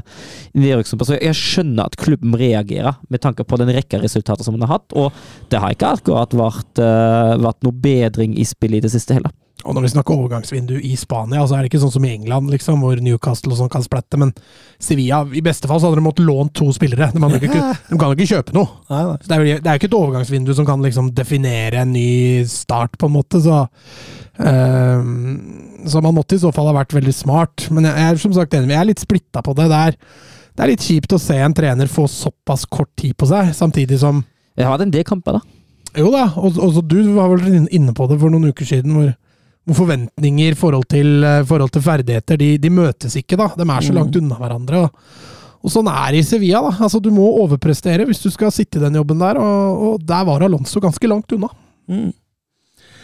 Vi må videre til Valencia mot eh, Barcelona. Det ble tap mot eh, Girona sist helg, og Xavi uttalte før kampen at det blir som en finale. Vi har ikke råd til poengtap om vi skal henge med her. Og jeg, jeg syns jo det er et Barcelona-lag som sliter med å få kontroll på kampen. Ja, nei, Jeg syns også Valencia får kampen litt inn i sitt spor, i hvert fall i starten. Eh, det blir litt mye fram og tilbake, mye dueller sentralt. Bare tvinge Barca til å angripe eh, bredt. Eh, og det det lykkes dem ganske godt med, spesielt først kanskje 20-25, før Barca begynner å skape litt. Eh, Lewandowski får noen muligheter, Felixen er nesten gjennom der. Eh, Raf, eh, Rafinha har en mulighet. Eh, Hugo Duro har også en kjempemulighet, så det var begge veier. Men jeg syns Valencia treffer godt på kampplanen i inngangen sin. altså. Mm, de, de, de, gjør det, og det var litt som kommentatoren sa når de gikk inn til, til pause der, at det har blitt en kamp Valencia ønsker seg mer enn Barcelona. Tenker du sånn, Døpker? Ja, det virker litt sånn, da. Med tanke på hvordan, hvordan det så ut. Så jeg, jeg er enig i det blei liksom litt mye rot mot slutten der, og mye start, stopp, start, stopp. Man mm. fikk aldri helt flyten, og det, det, det gagner jo Valencia utvilsomt. Og så, så kommer Barcelona bra ut fra pause, syns jeg. Ja, øh, jeg syns Frenkie de Jong tar litt taktpinnen, øh, spesielt i starten av andre omgang der. Strør om seg mye bra med baller. Altså, du ser Gundogan får litt friere tøyler offensivt, og de Jong skal være litt mer holdende. Eh, og de fjerner litt den dynamikken de prøver å skape med den trioen sentralt der. Og, eh, og, det lykkes de brukbart med. Skaper en del muligheter på det. Får vært litt mer direkte, da. Eh, og den pasningen til de Jong der fram til ja, Det er Luka Modric ah, på 2-0. Den, den, er så klasse. Den er klasse. Finn Jørgen Halvorsen skriver noen ord om fremspill de la Frenkie. Ja, det er, det er hovmester og kelner og, og ferdigskåra og hele pakka. Minner meg litt om Cancelo også, ja, ja. I, i, City, når han slo de der mm. Når han kom inn og var mm. invertert eh, wingback i sin prime. Mm. Da slo han ofte de der, der med utsida. Mm. Ja, nei, men den er, altså, den er jo alt. Den er perfekt vekta. Den, den, treffer i riktig høyde inn i løpsbanen til Rafinha, som bare kan egentlig bare løpe. Han bør ikke skifte retning eller noen ting. Og, og, og Felixen blir jo da umarkert på bakerste og, og fått enkelt trilla i 1-0.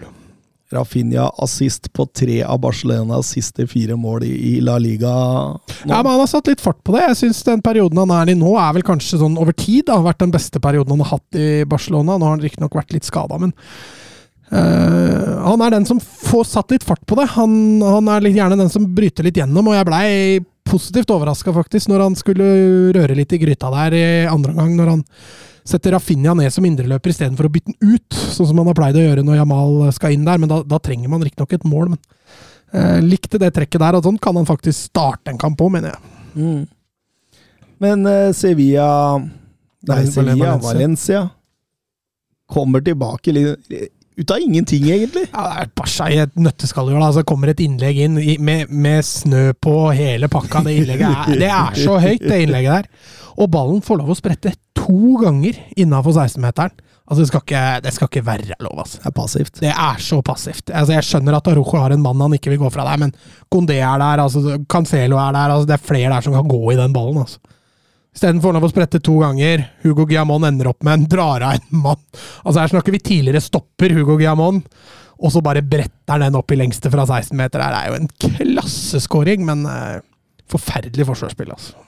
Da må Barcelona på med hansken igjen. Eh, da må de jage. Og de produserer jo nok med sjanser for å kunne avgjøre dette, men, men, men det, det, går jo ikke opp der ute og melder at Barcelona er det laget i topp fem-ligaene som brenner flest store sjanser denne sesongen. De har telt opp da de har brent 41 store sjanser i La Liga denne sesongen! Ja, det er høye tall. Eh, og du ser det jo også litt i den kampen her. Altså, Lewandowski han er jo blitt eh, det stikk motsatt av det han var i Bayern. Eh, og, den sjansen færre han får med en gang han blir bytta inn her, er gigantisk. Når han blir spilt frem av Frenkie? Ja, nok en sånn Frenkie-pasning inn i bakrommet der som han får på blank omtrent. Som han skyter midt på keeperen.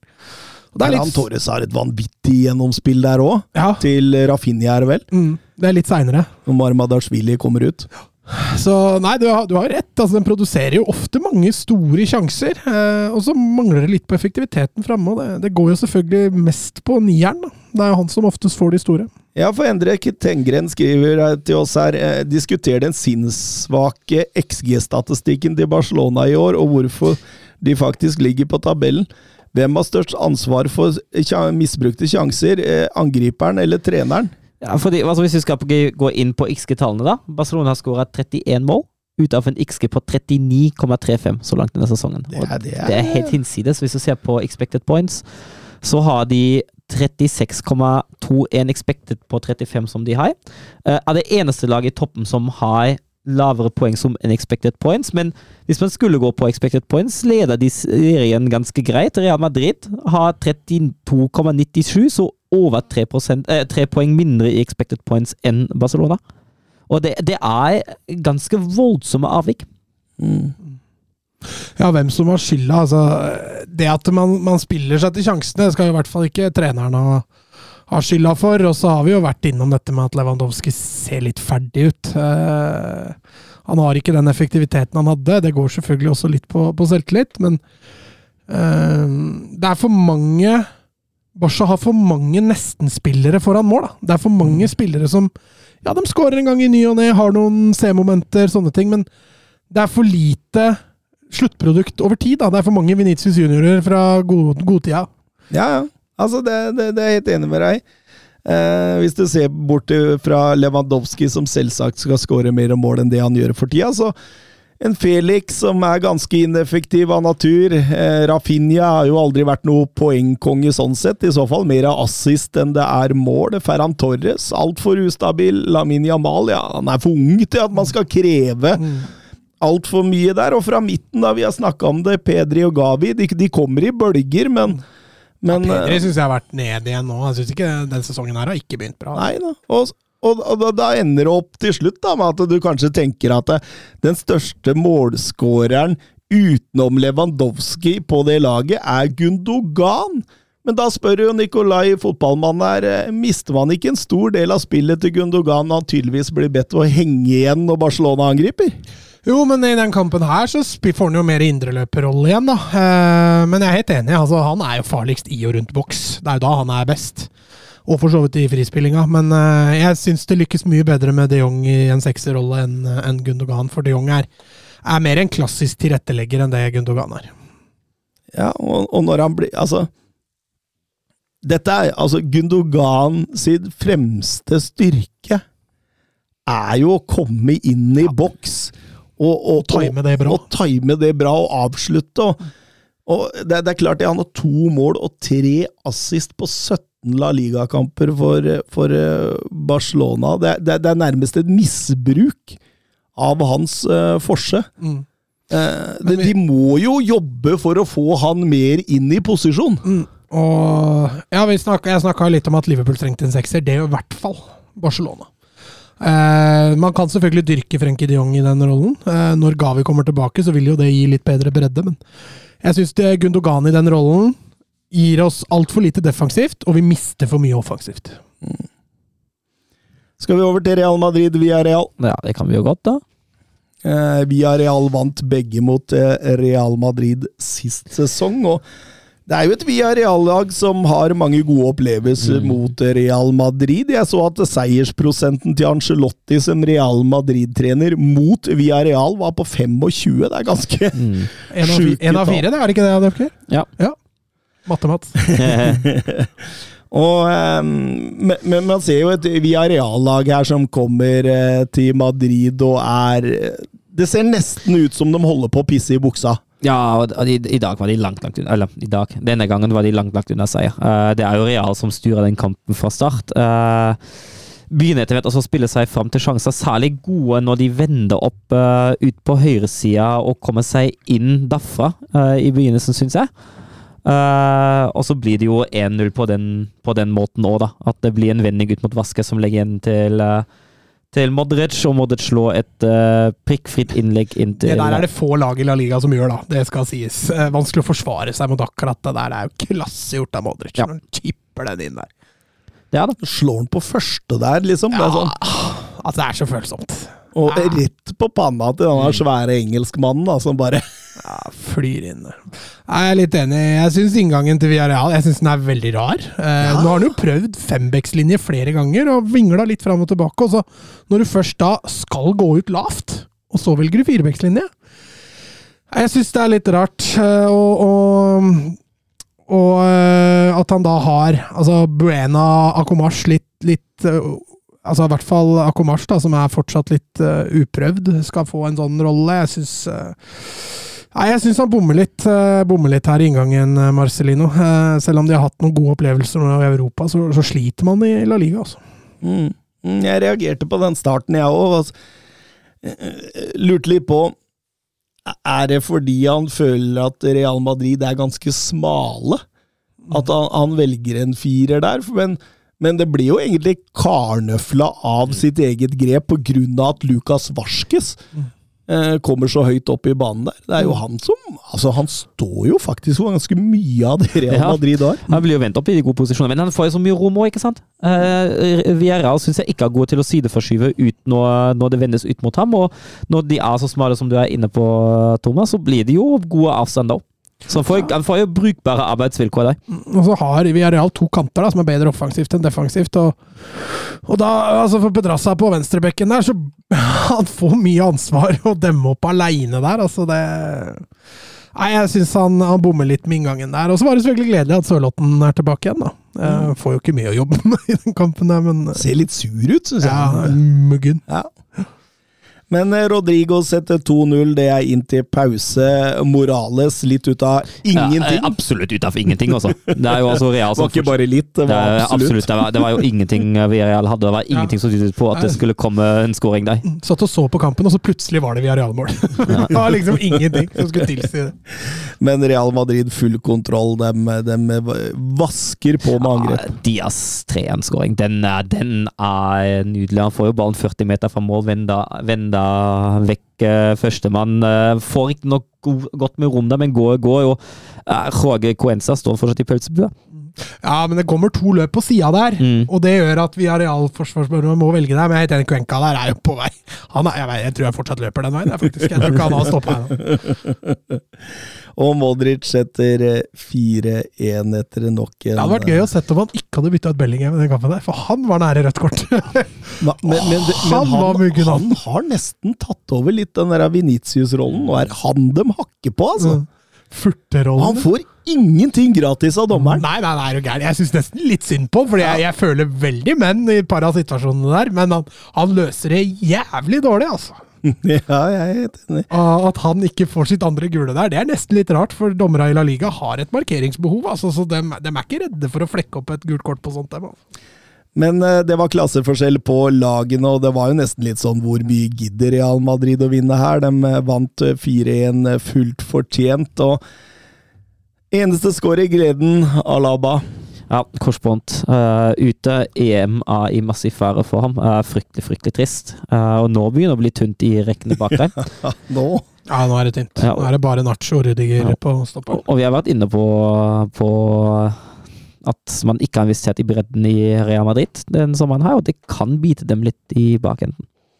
Jeg tror ikke de har kjangs i Champions League. Nei, nei, nei, nei. Altså Militao og Alaba, det er jo det, priori- det er stoppeparet de ønsker Ja. å stå med, og Courtois er allerede ute lenge. Um, så, så den sentrale eh, duoen, eller trioen da, bak der, den er borte. Den du må ha i Champions League ja, for å komme langt. Ja, den du må ha, ja. Helt riktig. Eh, Den er borte, så jeg er helt enig. Der røyk eh, den lille muligheten de hadde i Champions League. Den røyk med Alaba, faktisk. Eh, Men eh, altså, i La Liga så har de jo gjort det meget bra, på tross av mye skader og tynn stall. Altså. Så, så der Kun tror jeg 11 elleve baklengst. Ja, ja. De har vært bunnsolide. Det er jo expected goals against på over 20. På, og så får de 11 Ja. ja, det, er, det er godt betalt. Ja.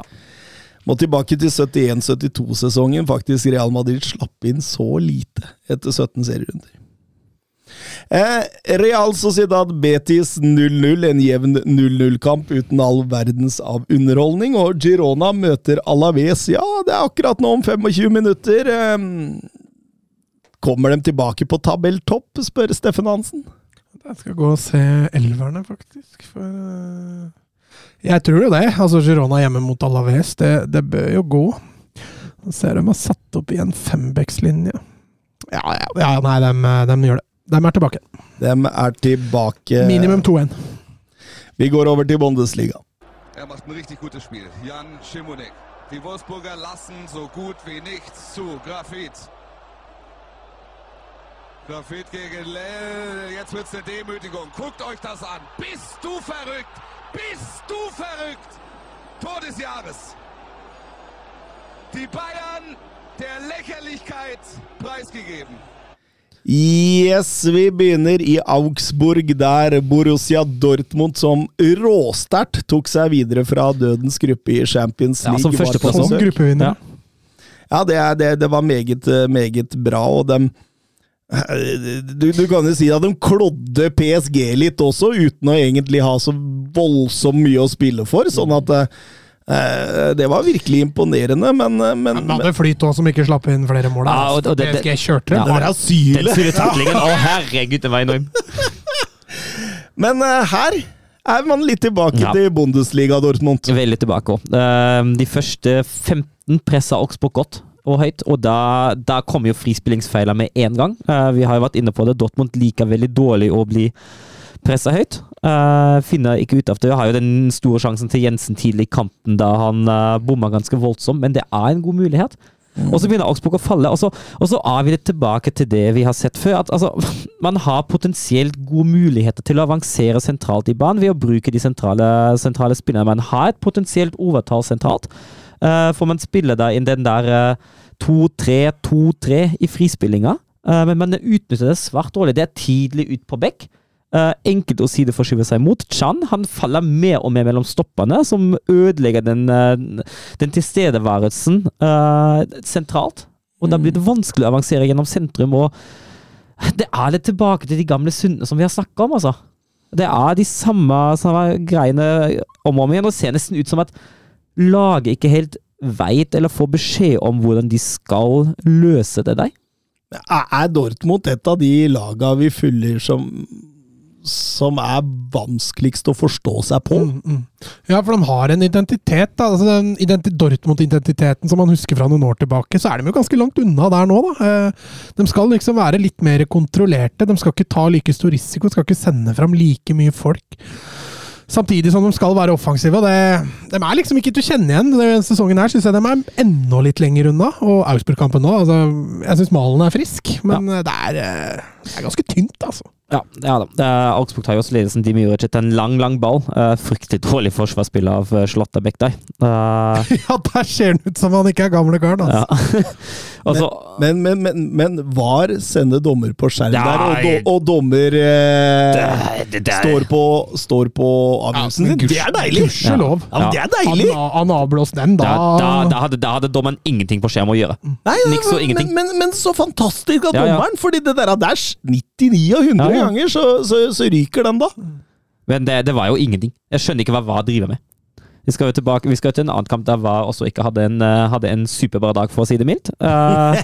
Uh, så du fikk et spørsmål om det. uh, men uh, hva VAR driver med i den kampen, er helt sykt. Og så har de jo, jo en av de få gangene Dortmund virkelig klarer de der, den der frispinga gjennom sentrum, der de tar de riktige valgene, de treffer litt på, på pasningen, at det kommer 1-1. For det er en fin kombinasjon sentralt.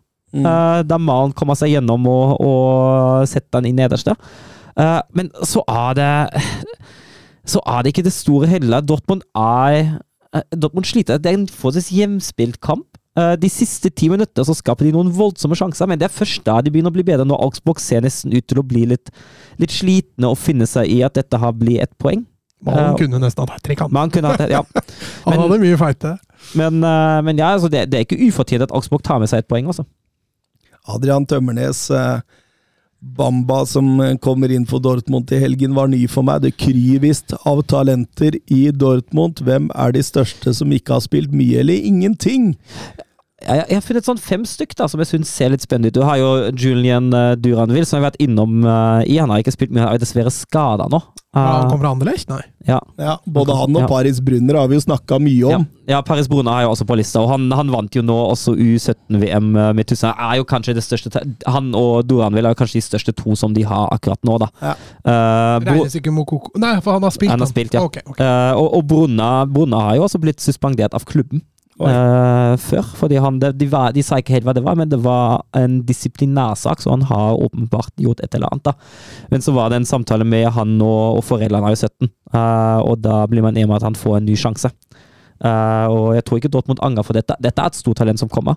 Eh, ellers er det Henry, Henry Blank, uh, 19 år gammel, en stopper som også kan spille på back. Han har vært med i laget til USA og er lista i profftroppen. Uh, skal, skal visstnok være ganske spennende. Eh, vi har vært innom før for lenge siden, tror jeg, innom eh, Filippo Mané. En italiensk 18 år gammel stopper som kom til Dortmund som 16-åring. Uh, U-landslagsspiller for Italia som er spennende, som spiller for, for U19-laget. Og så altså har du Almogera Kabay.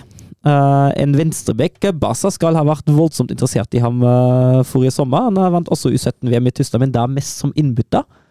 Uh, og så er det Danilo Krefson.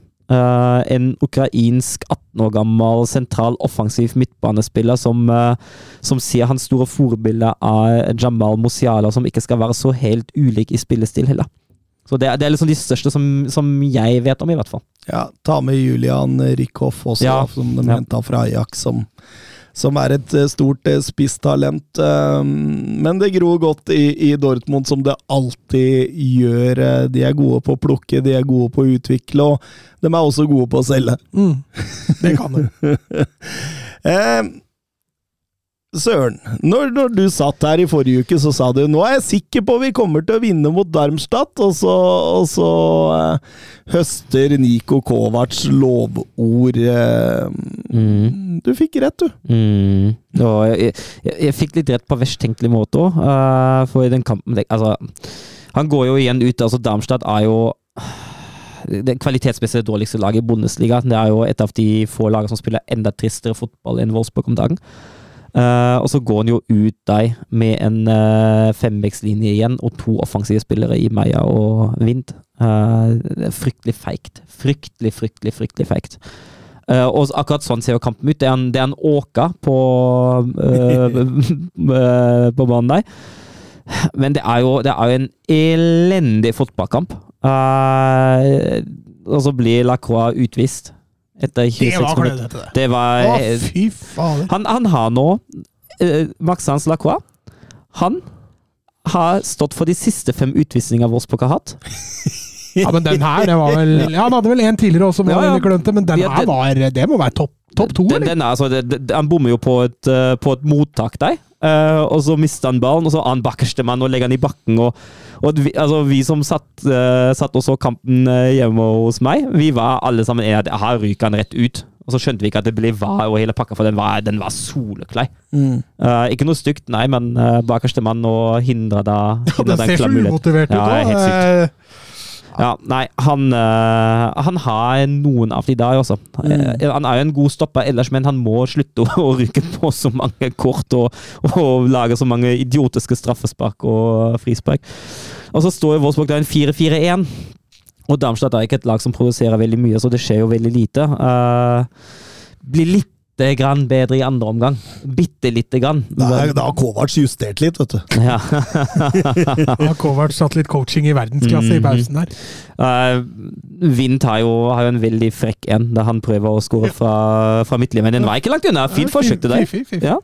Og så er jo skåringa er klassegjort av Vint òg. Da, han, uh, han legger igjen uh, en, et høyt oppspill fra Vrangs rett til Maja, som setter han kontrollert i lengste. Ja, der har han Tysklands største ryggsekk på seg Ja. når han gjør det, altså, så det er, det er Ja. en god prestasjon. Det, det er sterkt av Vind. Og så, har Wolfsburg brukbar defensiv kontroll. Kohn Castells har en, uh, har en meget sterk dobbeltretning uh, kvarter for slutt, men uh, ellers klarer man å dra det i land etter en uh, grusom fotballkamp nok en gang. Uh, nå er det Bayern på onsdag.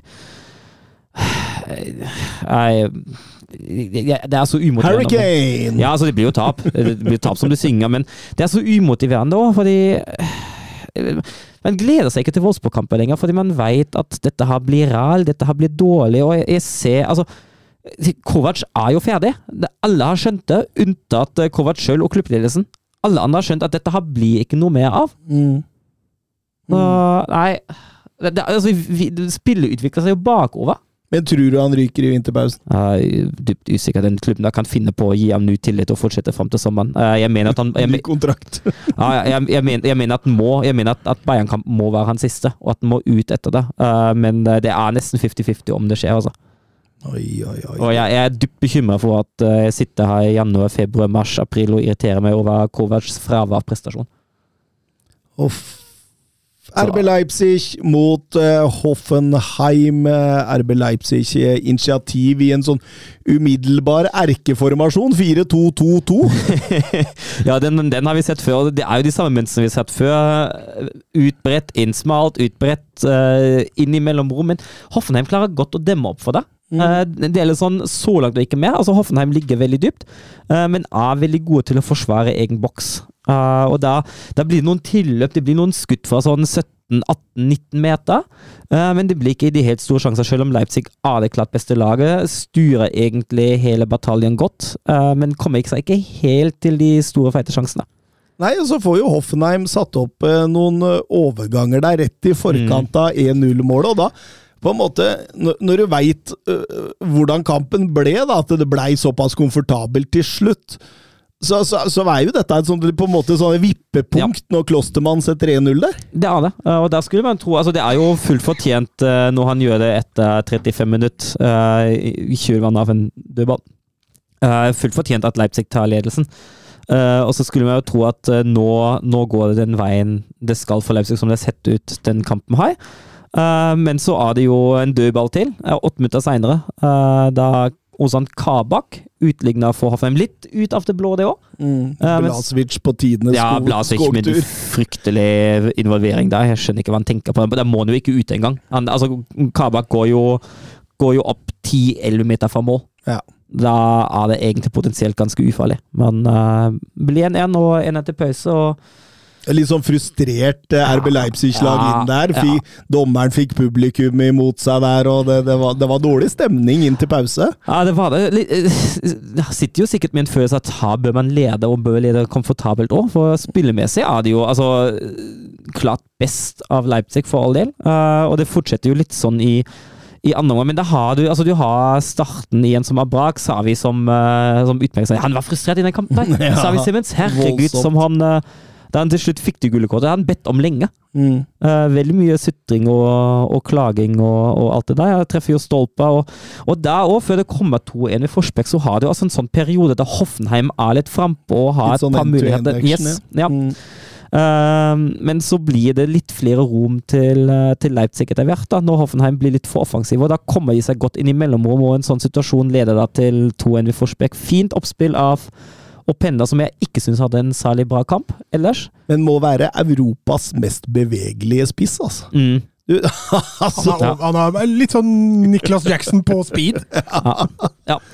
Men eh, fint oppspill og uh, med mottaket og avslutning til Forsbekk, det er jo klasse. Han blir jo bytta inn eh, rett før. Han fikk, det er jo hans siste kamp. Han går, vi, han går videre til Red Bull New York etter over åtte år i Leipzig. Eh, skulle få spilletid, og så skårer han 2-1 sjøl. Og har en enorm prestasjon for 3-1, for da klarer han å avslutte en eh, kone fra ekstremt skrå vinkel Med ryggen til mål. ja, på mål. Eh, Baumgart med en, eh, nei, Baumann med en eh, kjemperedning i tverrliggeren, men eh, Shima K setter returen, og da er det avgjort. Vet du hva som var spesielt med det målet? Det var Leipzigs 500. i Bundesliga. Ja, den, Du setter ikke fast han.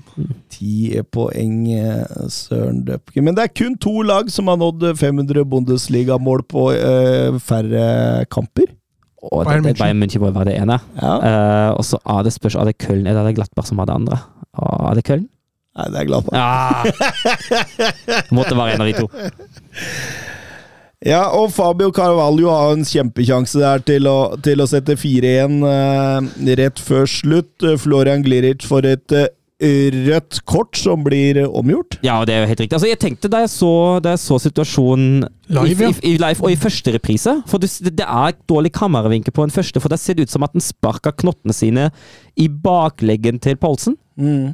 Det var ikke Poulsen, det var, var det Sesko, jeg husker ikke. Nei, det var Paulsen. Det var Poulsen, ja. ja. Um, og da tenkte jeg at det var jo helt riktig. Og så ser du en reprise til, og ser du at han treffer med knottene helt nede på foten. Han tråkker han litt på foten. Mm. Og da er det jo helt korrekt at det bare blir gult. Ja, absolutt. Vi må videre til eh, Bayern München mot eh, Stuttgart. Eh, Bayern kontrollert videre fra Champions League-gruppa si. Men hadde virkelig noe å revansjere etter 5-1-tapet mot Frankfurt, og, Ja. og får jo besøk av et Stuttgart her som virkelig har begeistra. Ja, begeistra og har vist mot både Dortmund og Leverkosen og forrige uke at de kan jevnspille med de store òg. Et Stuttgart-lag som er seg sjøl ganske tro, har en veldig distinkt spillestil de òg, veldig offensive.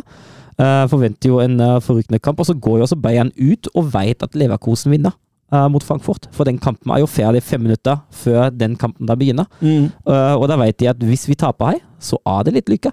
Mm. Så de, de hadde litt press på seg, men eh, får jo en best tenkelig start når Karaso roter bort ballen uh, dypt inn i egen halvdel. Uh, Sané blir sendt på løpetur og kan spille på tvers til Kane, som får en ganske enkel jobb med å sette 1-0. Ja, det Der går mye gærent for Ja, der går jo alt som kan gå gærent, går gærent der, faktisk. Nybel ute og sykler. Ja, han var ute og syklet, ja. Nei. Eh, Kane setter enkelt eh, 1-0. Sanés åttende assist. Han står dermed med åtte mål og åtte assist så langt denne sesongen. Det er hans personlig beste sesong noensinne. Allerede nå, før vinterpausen. Ja, han har jo vært en del skada i, i Bayern og hatt litt sånn formduppe underveis òg, men har, i denne sesongen har han vært helt enorm. Han har vært en av uh, av som virkelig har båret etter Bayern-laget gjennom den sesongen så langt. Og så, og så er det jo sånn altså Jeg syns Bayern spiller en, en veldig suveren og fornuftig og smart kamp. Uh, for Stuttgart har veldig mye ball, uh, men Bayern tetter igjen sentrum. Uh, de spiller jo en sånn med ballen er det en sånn 4-1-3-2, uh, og så blir det en litt mer flat 4-4-2 mot ballen. Uh, veldig god skyggepress av Mulla og Kane. Uh, stenger helt mu- mulighetene til å spille seg inn der. Og så må Stuttgart ut på kant, og da er de aggressive på. De kommer aldri undertall på kantene, og som resultat klarer ikke Stuttgart å avansere noe særlig. Egentlig kommer seg ikke inn i siste tredjedel og skaper voldsomt lite. Jeg har aldri Altså, da tuller jeg ikke. Nå har jeg sett Bayern München så å si hver kamp i Det må i hvert fall være siden 2019, Mm. og, og mange før det òg. Jeg har aldri sett Bayern så taktisk Mm. i Bundesliga noensinne. Ja, du ser at de tar hensyn. De Ja. ser at Tuchel har jobben sin. Tuchel har sett på Stuttgart og Altså, dette er forberedelser, Ja, ja, og, ja. og åpenbart livredd for Ja. å gå i Frankfurt-fella. Ja, men, uh, men han, han tar vekk alt som er styrkene til Stuttgart, og han lykkes ekstremt godt med det òg. så dette er, er et veldig godt stykke arbeid som Tuchel har gjort, altså. Ja, altså fordi vanligvis så ville Bayern bare kjørt på i Bayern-stil. Mm. Men, men, men her så ser du jo at uh, dette er jo en nøye gjennomgående plan i det. Altså man, det, er, det er forberedelser. Det er å ta ut styrkene til Stuttgart og fremme sine egne.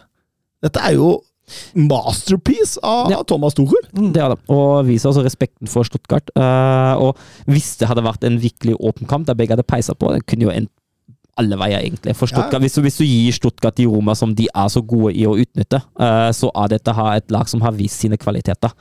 Uh, både mot, uh, mot Leverkusen og Dortmund og mot en god del andre lag òg. så jeg mener at Tuchel gjør helt rett her. Mm. Og resultatet gir meg også rett. Og det er jo det er jo kun Bayern som skaper, for så snart de vinner banen, så går de jo kjapt framover. For det er det Stuttgart som etterlater seg de rommene. Eh, og da, da har Bayern spillerne til å støte inn og skape en del sjanser. Og ja, Nubel var ute på sykkeltur på 1-0, men han holder dem jo inn i matchen uh, i første omgang Hei. Ja da, og det, det, det blir et par annullerte mål. Ja. Det, det ene målet der, Milors, han ønska en kommentar fra deg, Søren. Eh, Var blikket brukt på Kim Min-Yas annullerte mål pga. tekniske problemer? Dommerens avgjørelse on-feel står. Ja, altså, og, og, og, det, det er jo helt sykt, egentlig. De, som jeg så det, da, så så det jo ut som at Kim Min-ya eh, i den situasjonen ikke var i offside. Det var Thomas Mulla så det ut som som var i offside, men ikke Kim Min-ja. Så den bør jo ha stått. Det som blir dobbeltkjipt for Bayern, er jo at på overtid av første omgang så er Müller spilt gjennom og setter ballen i mål. Og denne gangen er det ingen reaksjon fra dommeren, og, skåringsmusikken spilles, Müller får juble, supporterne får juble, laget får juble. Og så, ett og et halvt minutt seinere, så har dommeren hånda i været og dømmer offside, for det har VAR gått inn. Det har VAR fungert igjen og sjekka at det er offside. Så Tekniske problemer er, er gjenoppretta. Ja, men det, det, blir jo, altså, det blir jo fryktelig urettferdig når, når det funker i én situasjon og ikke i en annen. Det er jo, det er jo helt sykt. Det er det beste å bare skru av hele sjappa for resten av kampen, altså. Eh, altså skru av hele sjappa generelt, da, men uh, altså, det skal ikke gå an, fordi da, da, altså, da, da blir det blodig urettferdig, da. For hvis alt hadde blitt riktig, så hadde Bayern leda 2-0. Hvis dommerens avgjørelse hadde stått, så hadde Bayern leda 2-0. Fordi VAR ikke fungerer til å fikse det som var feil, men fikse det som Altså for, for, å fikse det annullerte som blir feilaktig annullert, men klarer å fikse slik at det blir annullert det som, ikke, altså det som blir det riktige annullert, så, så blir det dobbeltulempe for Bayern der. Men det blei ikke matchavgjørende, Mats. Nei, det er på ingen måte. Utover i andre omgang der òg. Det er jo en meget god gjennomført kamp av Bayern egentlig hele veien. Jeg syns Stuttgart eh, er ganske langt unna der de har vist tidligere år og skaper jo veldig lite. Selv om de overraskende nok har mye ball den kampen der. Altså. Det er ikke så ofte du ser Bayern har så lite ball på hjemmebane. Så. Men eh, de får jo akkurat dit de vil. og og Kane får en enkel jobb med, med 2-0, og, og, Kim Min-ja får jo skåringa si til slutt, da, ja. når han får, får 3-0 der. så... Ja. Kane eh, dytta inn sitt 20. Bundesligamål, eh, skriver Bernt Olav Gjellegjerde Hansen. Ligger på skjema til nærmere 50. Eh, skal ikke plage dere med det vanlige spørsmålet her, men, men tror dere seriøst Kane runder 40? Ja, det ser jo sånn ut. Ja, altså skadefri, ja, så gjør Ja, det er jeg helt enig i. Uh, med tanke på den klassen han sjøl har, med den klassen Bayern har offensivt, så ja, helt klart. Mm.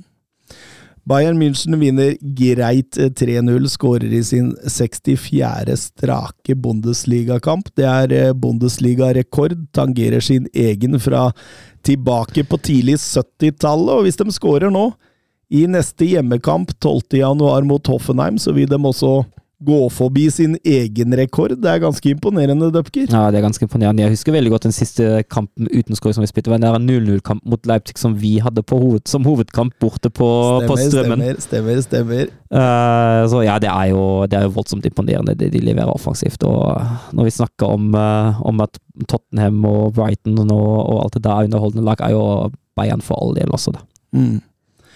Og Milos del Toro, han har eh, flere Bayern-spørsmål. Årsbeste Årsbest av Bayern, skriver han. Kim blir bare bedre og bedre, og endelig ser det ut som noe se, Endelig ser han ut som det man har henta, men BB eh, til Pavlovic Kan Serbia snyte Tyskland for nok et talent?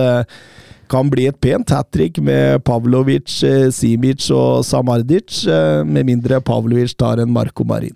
Ja, vi får se. Altså Samardzic syns jeg egentlig ikke er et så stort tap. Uh, han, han, spilte jo opp til U21 for Tyskland, så bestemte seg for å spille for Serbia, men jeg, jeg, synes, jeg ser ikke helt hvor han hadde fått plass på det tyske landslaget. Altså, ja, han er, en, er, jo et godt talent og en god spiller for all del, men jeg føler ikke at han når helt opp der oppe. Uh, Simic er jo spennende. Uh, vi skal jo, vi skal jo inn på Vi kommer til den. Vi, kommer til den. Uh, Spennende spiller, uh, for all del. Men litt tidlig å si hvor veien går. Det er for Pavlovic for all del òg. Har jo imponert voldsomt i Bayern nå, 19 år. Den dødballfoten der, da. Ja, den dødballfoten. Men, men også inn. Ja, fy faen, det er kraft og presisjon. Altså. Men altså hvordan han, han, holder det sammen som dyptliggende deg. meget, meget bra prestasjon. har ikke gjort seg bort i de andre kampene han har spilt, heller tvert imot. Uh, han spiller jo for Tyskland nå på U20-nivå. Altså, jeg føler at det er sånn to spørsmål som det, som det er avhengig av for sånne spillere. Det ene er jo litt en identifikasjon.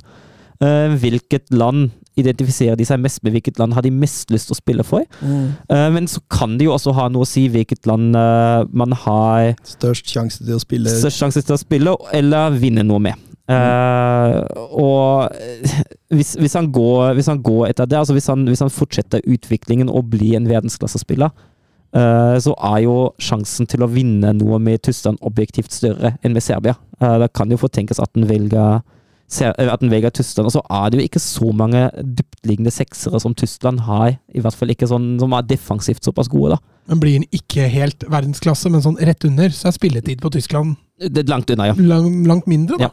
Det er akkurat det. Så det, det blir jo spennende å se. Uh, den Men den stand, det standpunktet behøver han jo ikke å ta før han eventuelt får en oppkalling fra en av nasjonene. mm.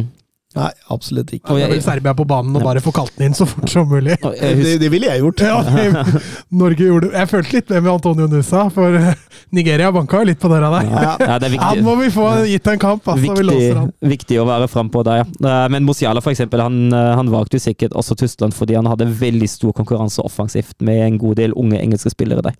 Mm. Og det kan jo absolutt ha noe å si. Så det blir, det blir spennende. Vi må også ta med at Leverkosen vant eh, ganske overlegent. Det var klasseforskjell Ja, mot eh, klasseforskjell. Frankfurt. Ja, helt klart. Etter hvert, ja. 3-0. Ja, lugga litt i starten, der for alle, men defensivt har det vært en øh, veldig veldig bra kamp. Og etter hvert også offensivt. Og 3-0-seier fullt fortjent. Har ikke tapt på sine første 24 i alle turneringer Ja. denne sesongen. Det er kun Hamburg på tidlig 80-tallet som står med like mange uten tap i starten av en sesong, det er også 24. Så unngår man eh, tap hjemme mot Bochum nå i midtuka, så vil de ha den rekorden alene før vinterpausen. Ja, ikke for å jinxe nå, men det bør jo være fullt mulig for Leverkosen å, å gjøre. Det, det, det, det bør det. Vi må over til Serie A. era il marcatore di Cannavaro. Palla tagliata, messa fuori, c'è Pirlo, Pirlo, Pirlo, ancora Pirlo di tacco, tiro, Grosso, grosso, Ja, vi begynner med fredagsoppgjøret i Genoa. Juventus på besøk. Og Le, le kommer jeg ikke gjennom navnet engang. Nei, fordi man, man tenker jo sitt når man ser et Juventus-lag for tida. Ja, altså, men jeg syns jo de prøver fram til 1-0. Og så går de jo fullstendig i men det, fryseboksen. det, det gjør de jo hele tida. De prøver fram til 1-0. Jeg har sittet her forrige uke og sagt det samme. Ja, ja, fram til 1-0 ser det jo bra ut, og uka før fram til 1-0 ser det bra ut.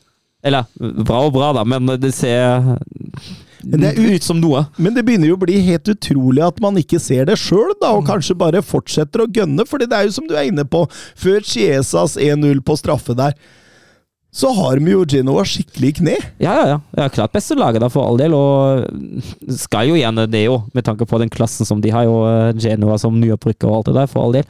Um, men ja, så slutter man jo å spille fotball. Ja, det der, der fatter jeg ikke, altså. Da, mm, rett ut fra pause, da setter Albert Gudmundsson eh, 1-1. og på- Kjempeskåring. Ja. og på den første sjansen de har omtrent, eh, vil jeg, vil, vil jeg tenke. Og, og eh, da må jo Juventus fram igjen, da. Ja, men det, det er litt deilig å se at det biter dem litt i ræva, altså. Åh, det er fint at de avgir poeng, for en gangs skyld. Uh, var jo nære for ikke så lenge siden mot uh, Herregud, jeg husker ikke. Gatti skåra på overtid. Ja, ja. Mm. Det, var Monza. Var det ikke- Monsa? det Monza? Det var det Jo, Det er det Ja, ja. Og så er de jo nære på altså, Det er ikke mye de skaper, men det er jo nære på at de tar det helt på slutt nå. Men uh, Martinez med en ekstremt bra redning mot Bremer, selvfølgelig etter dødball. Mm. Ja, absolutt. Og, og, og Genoa får jo satt opp noen gode eh, overganger der, så Nei, det, jeg, det, det, det er liksom merkelig, for et sånt lag bør jo ikke ligge og presse tabelledelsen her, men Kristoffer Iversen, altså spørsmålet hans sier det aller, aller meste. Eh, dere er dyktige, så dere skal få en vanskelig nøtt av meg. Si noe positivt om Juventus. De, de leder ikke serien. Ja, men det var, kan si noe positivt om Juventus fram til 1-0. Ja, det kan vi jo. Altså, altså de- for de har jo faktisk flere strenger å spille på. De har en Vlaovic, de har en Chesas. de har, Ja. et, de har et grunnspill offensivt, det ser man jo. Ja. Men, men det er en mentalitet der da, som er fryktelig kjedelig. Ja, så kan vi jo si at nettopp de spillerne som vi framhever, Vlahovic og Chiesa, de er jo i utgangspunktet fryktelig spennende spillere, eh, som jeg veldig gjerne har sett i andre klubber enn nettopp Juventus. For man, man føler man blir frarøvet litt å se dem i sin fulle utfoldelse. da. Mm. Men det er klart, man kan jo si noe positivt over den defensive organiseringa til Allegri òg, da. Ah, Han klarer å organisere lag, og så skal det sies det at eh, Ok, eh, det, det er enkelt når man konstant ha ti spillere bak ball. Uh, I hvert fall til tider i matchene, men eh, jeg syns jo, selv når Juventus spiller ganske åpent, at de står ganske bra bak der. og jeg, eh, Hvis du ser på forsvarslinja til Juventus og det de presterer, så det, det er vel bare Bremer man tenker er verdensklasse, eller kan potensielt verdensklasse. da. Resten er jo mye mediocre baki der.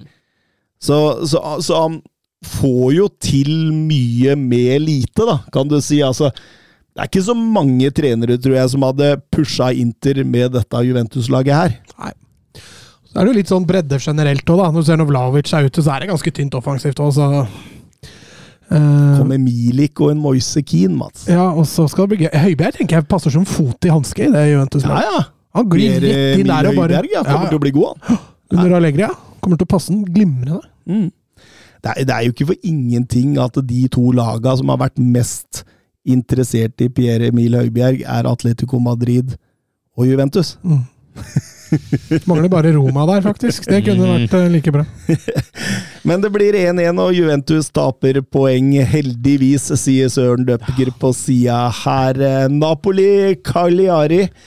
Massari med tre strake tap i alle turneringer før de sikra avansement i midtuka på Maradona mot Braga. Nå gjaldt det å bygge videre på den opplevelsen, eh, og da passer det jo godt at et svakt Cagliari, da, med begge beina planta i nedrykksjumpa, kommer på besøk. og ja, kampen ble utsatt en halvtime pga. sterk vind. Ødela bl.a.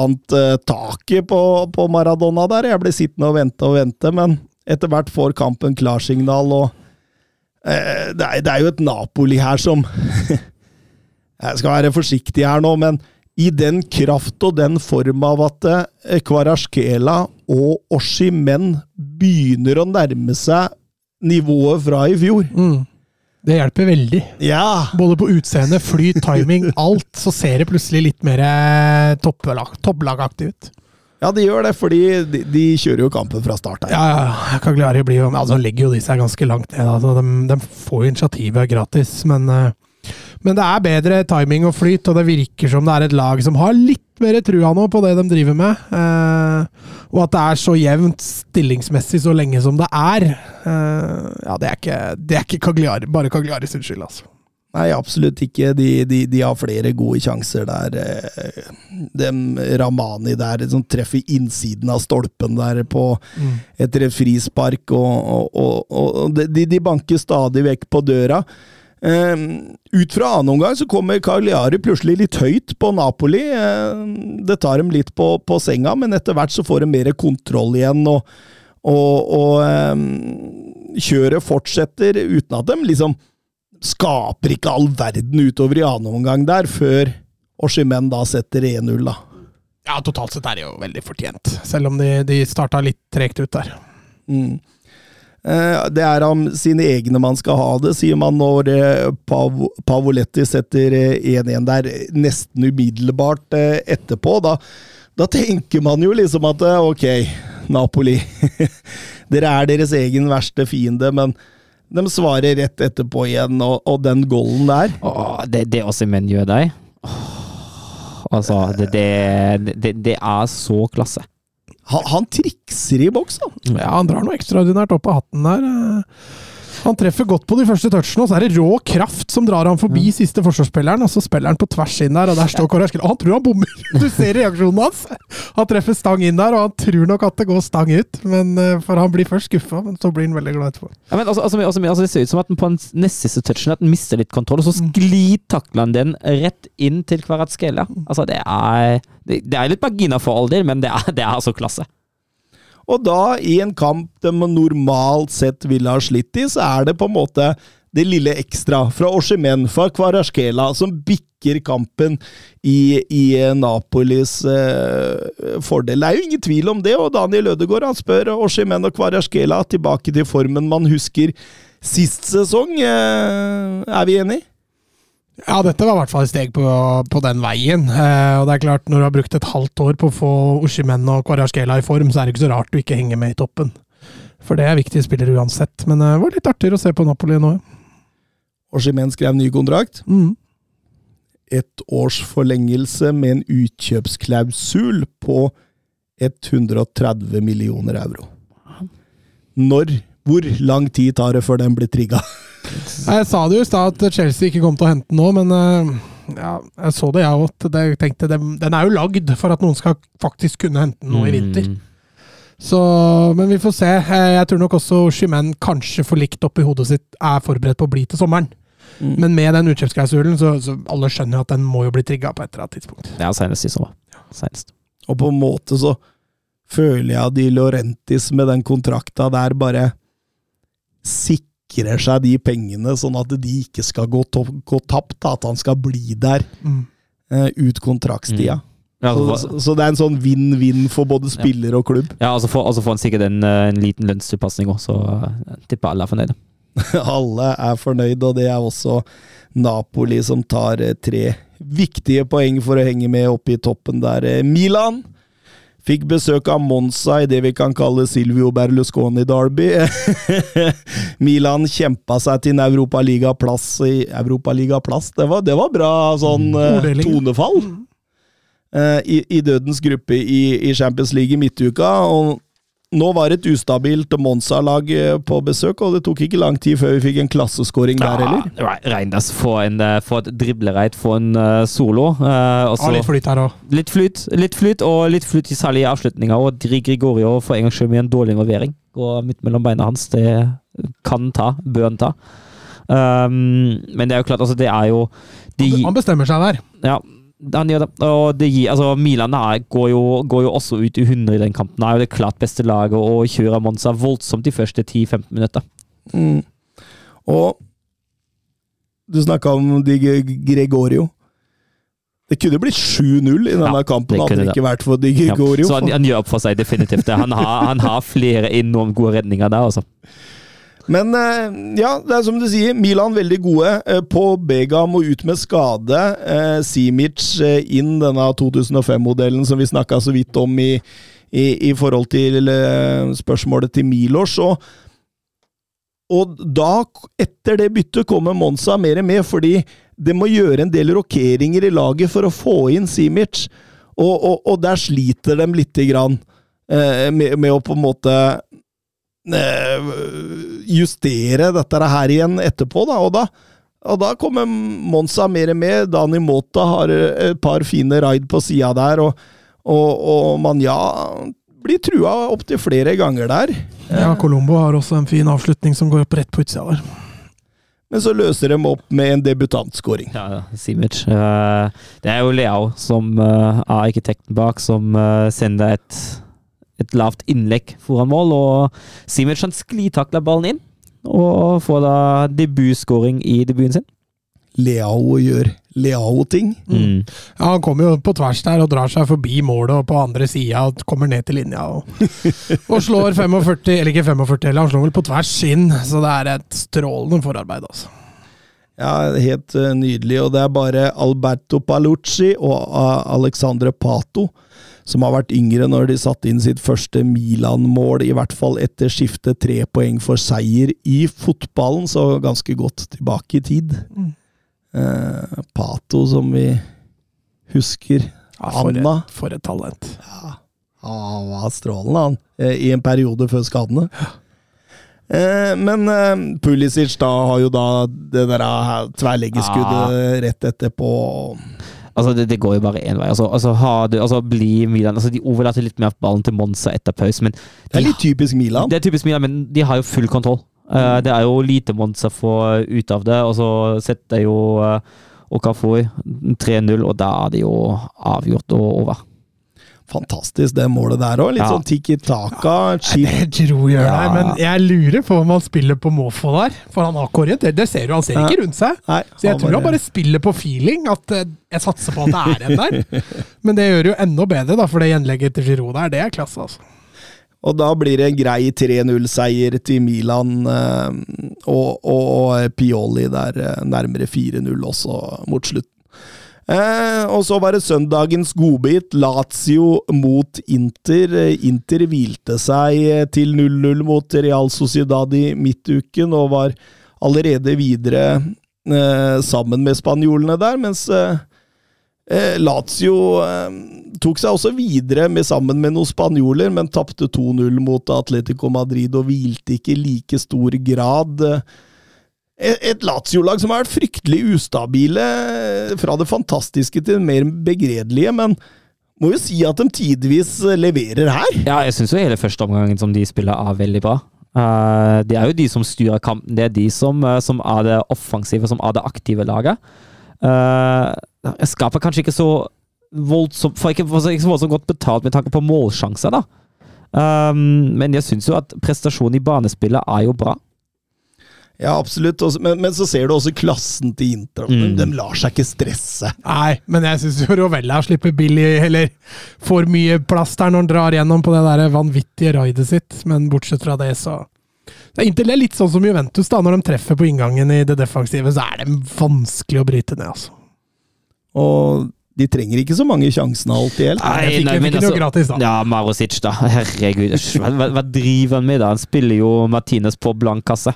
Ja. Og da, da runder Lundan uh, keeper, og så var det 1-0. Ja. Det er nok is der til å shippe den over Mario Gila der på mm. slutten. da. Mm. Når han kommer sklin inn, ja. ja. Mm. Det var ikke noe syleblokkering fra Mario Gila der. Men, men, men jeg syns jo dette er så typisk Inter, da.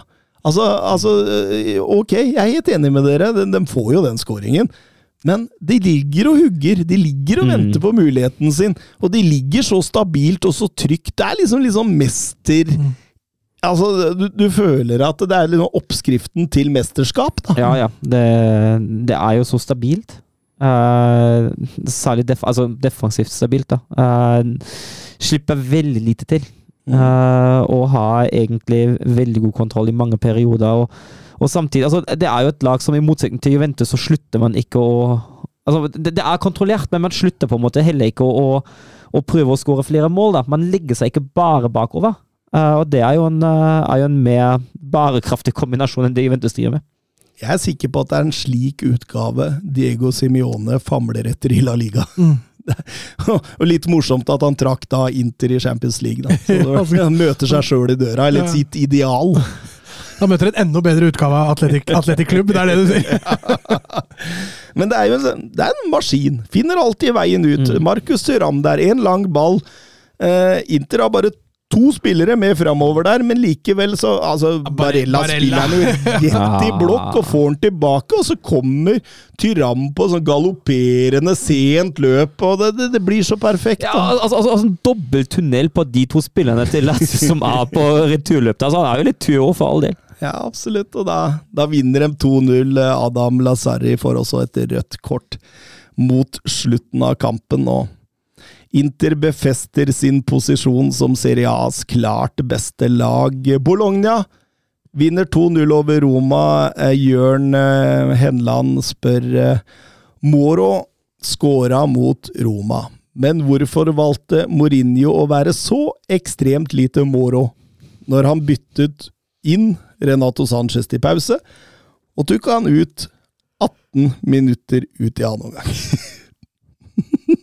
Er ikke det litt sånn Mourinho masterclass, holdt jeg på å si, hvis vi kan kalle det det? Han er ikke redd for å ta vanskelige valg, i hvert fall. Uh, husker han gjorde Matic, husker du? Ja. Han kan fint finne på å gjøre noe sånt han, hvis han angrer, angrer seg. Jeg, jeg, tror ikke han har noe forklaringsproblem overfor spillere. Uh, han er ikke redd for å si det han mener, han altså. Så. Men det ser jo ikke bra ut. Det er, det er jeg enig i. På de 18 minuttene uh, Sanchez var på banen, hadde han ni touch. Han hadde vunnet én av fire dueller. Han hadde mista ballen fire ganger og laga ett frispark. Eh, det... Ja, Roma slapp vel også inn i den perioden, gjorde de ikke? Jo, det jo. jo, selv målet til Christensen der. Mm. Men altså, du har, du har, ni touch på ballen, og du mister den fire! Ja, det, det er dårlig. Det er fryktelig dårlig. Eh, og, så, og, så, tar han jo det byttet med at han eh, setter inn på en lokal helt òg, i, i Bove der, for å please publikum. Så det ja, og det så ut som Sanchez tok det ganske greit, sånn i hvert fall utad. Ja, altså, hvis det er prestasjonsvisse spillerne vet jo som regel også sjøl at, at de ikke har prestert, da. Mm. Men det er litt den der æren i det, da. Ja. Eh, å akseptere og svelge den eh, kamelen. Det Men eh, han har jo ikke vært veldig fast i etter at han kom til Roma, Renato Sanchez, så det er mulig han skjønte hvor landet lå. Bologna opp på topp fire er Tiago Motta en underkommunisert trener i europatoppen, spør André Schjelderup. Altså, han holdt jo Spezia oppe i 21-22, det var jo en prestasjon bare det. Mm, ja da, og han har hatt god historie tidligere i i Serie A. Mm. En niendeplass med Bologna nå sist. Kun to poeng bak Fiorentina. Sju seire, sju avgjort og to tap denne sesongen. Foreløpig fjerdeplass. Kun Juventus og Inter som slipper inn færre. Eh, var jo veldig 4-3-3 tidligere i karrieren sin, har gått over til en 4-2-3-1 nå i siste tiden. En litt sånn spillende tankegang. Tar lite risiko i frispillinga, men ønsker å spille seg fri. Og så, er det ingen skam å banke den framover hvis man føler presset er for tungt. Men han, han er flink i organiseringa, han er offensiv av tankegangen, og det virker som en troverdig trener da, som på en måte selger et budskap spillere har tro på. Så, så, så for all del eh, en spennende, spennende type.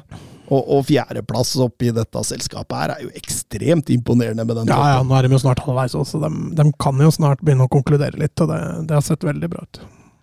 Inter med firepoengs luke nå, eh, til Juventus, som igjen har fem poeng ned til Milan. Det begynner å bli litt skiller i Serie A, vi er ikke vant til det.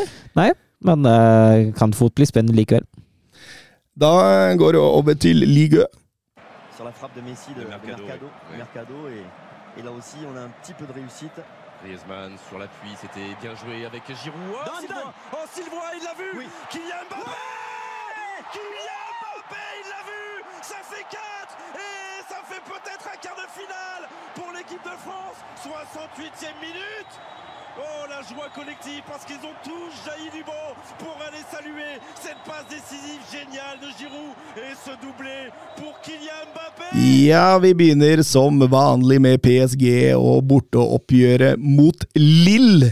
Lill hvilte godt med spillere mot Magne Hosets eh, Klaksvik hjemme i Conference League, mens PSG gravde dypt i Tyskland i midtuka. Tror du dette kan ha hatt noe å si for at kampen ble såpass jevn som han ble? Ja, jeg, jeg tror jo absolutt det. Uh, da klar, blir de klare å hvile uten at det er noe skade for rytmen heller, da. For man har jo den der ukesrytmen likevel. Og så I den perioden som spillerne er i nå, er det jo sikkert kjærkomment med en uh, kamppause. Uh, men så er det klart at PSG måtte mer eller mindre feite til uh, siste øyeblikk i Dortmund. og Klart det preger, og klart det kan ha noe å si for, eh, for neste kamp nå, eh, når man må stille med, med så, altså det beste man har, så godt som. PSG får lite ball i utgangsposisjonene de ønsker å etablere spillet fra, og Fonseca er en slu rev. Han, han har lagt opp en taktikk her som, som frustrerer PSG på mange måter. Eh, altså, PSG går stadig inn i pressfellen der. Ja da, de får noen muligheter til å kontre der, Lill, som, som, som gjør det nok litt ukomfortabelt for PSG, spesielt i, starten der. Og kunne jo fort ha, ha fått det første målet. eh, Men allikevel så føler jeg at PSG er flinke til å kontrollere ballen, uten at de også tar altfor stor risiko, da. Eh, Men det gjør at det blir litt sånn Det blir perioder der hvor det blir lite, lite produksjon. Da. Mm. Ja, absolutt. Eh, Che Grova var vel den, den som på en måte skapte noe for Lill, mens, mens PSG, ja Vitinho testa Chevalier der eh, med fantastisk skudd rett før pause, men det var ikke det helt store. Eh, Også ut fra annen omgang så går det litt på det samme. Men så begynner man å se at Lill tar litt mer risiko, og da, og da kommer jo disse Roma som Mbappé kan løpe i. ja. PSG får eh, straffespark etter 63 minutter. Fryktelig straff. de er ikke til. Er helt unødvendig å lage det straffesparket der. Og voldsomt til klaging Ja, på det. men altså, det, er, er ikke noe å klage på, det er soleklart. Mbappé setter eh, 0-1. Chevalier går riktig, men rekker ikke bort. Eh, Mbappés 180. league er-mål. Eh, Nå er han nummer åtte i adelskalenderen over eh, toppskårere i ligas historie. Eh, og da tror man jo det skal gå relativt greit inn her, men eh, Lill slenger inn på Jonathan David og får et momentum mot slutten. Ja, de presser jo ordentlig på, og er- har jo en del, del De har jo noen sjanser uh, på slutten der, og er ganske nær en utligning. Uh, og så er det jo en uh, Fryktelig feilpassing av Ascencio nesten ved eget hjørneflagg, som uh, snappes opp. Og Tenas han, uh, han redder det første forsøket. Det går jo litt via, så det blir en litt uheldig retur, og den, uh, den setter nevnte David i mål. Mm. Og da Forferdelig Asensio der. Ja, helt 1-0, fem minutter. er urutinert. Ah, så skal du spille deg ut der med uten å orientere deg hva som er bak deg. Nei, det er strykkarakter fra Asensio. Altså. Og da taper jo PSG poeng, eh, noe som kunne vært eh, en fordel for eh, jagende Monaco og NIS, men, men de taper hver sin kamp. Ja, de valgte å avstå fra å ta den gavepakka, faktisk, og takka høflig nei. Eh, Monaco som uh, røyk for uh, formlaget Lyon, kan vi, Ja. kan vi si det? Nå er det to strake Ja, ja. uten å slippe inn mål. Voldsomt til sjansesløseri av Monaco, da. Ja, og, og NIS da i et uh, borte mot Le Havre litt skuffende at de ikke klarer å få med seg noe som helst derfra. Ja, absolutt. Eh, Jakob Hoff, eh, når PSG spiller uavgjort, så feiler begge utfordrerne. Er det typisk lige? Ja, det er det. Eh, og det er jo igjen det er noe som Bundesliga har slitt veldig mye med med Bayern München. At eh, lagene bak også er for ukonstante. Og da blir det lite spenning, dessverre. Mm. Ja, helt klart. Det, det er liksom litt nærmere det man kjenner i Eliteserien. Altså, at det, det blir litt mer uforutsigbart. At eh, alle kan slå alle, på en måte. eh, I, i, i større grad enn f.eks. i Premier League, La Liga osv. Altså, eh, at Monaco skal ryke hjemme mot Lyon, at Le Havre skal karnøfle NIS, det er jo ikke sånt som skal skje. PSG vil jo alltid ha en sånn god sikkerhetsmargin da, i, i Ligue Ø og, og race om tittelen også. Så kan man få sånne sesonger som da Lill vant i 2021 og, og Monaco i 16-17, men det er jo unntakene, og da feiler PSG mer enn normalt, samtidig som motstanderne har holdt et høyere nivå over en lengre periode enn hva som er normalt. da. Og man må treffe på en måte begge disse laga her, var jo, var jo Campos-laget, ikke sant, som var bygd opp av han. Og nå er jo Campos sjøl i PSG, kanskje, kanskje det, det, det er en, en årsak til det. Men eh, ja, nei, det er litt typisk, ja. Eh, Og Marseille. Og Gattuso tar sin fjerde Ja, strake. apropos formlag. Han har endelig fått orden på dette. vet du. Nå. Hvor, hvor, hvor lenge varer den orden, er spørsmålet? Ja, nei, altså, eh, altså Gærne barn leker best. Er ikke, nei, hva heter man? Like barn leker best. Så det, den passer jo Gærne barn leker. Den passer jo godt sammen, de gærninga der.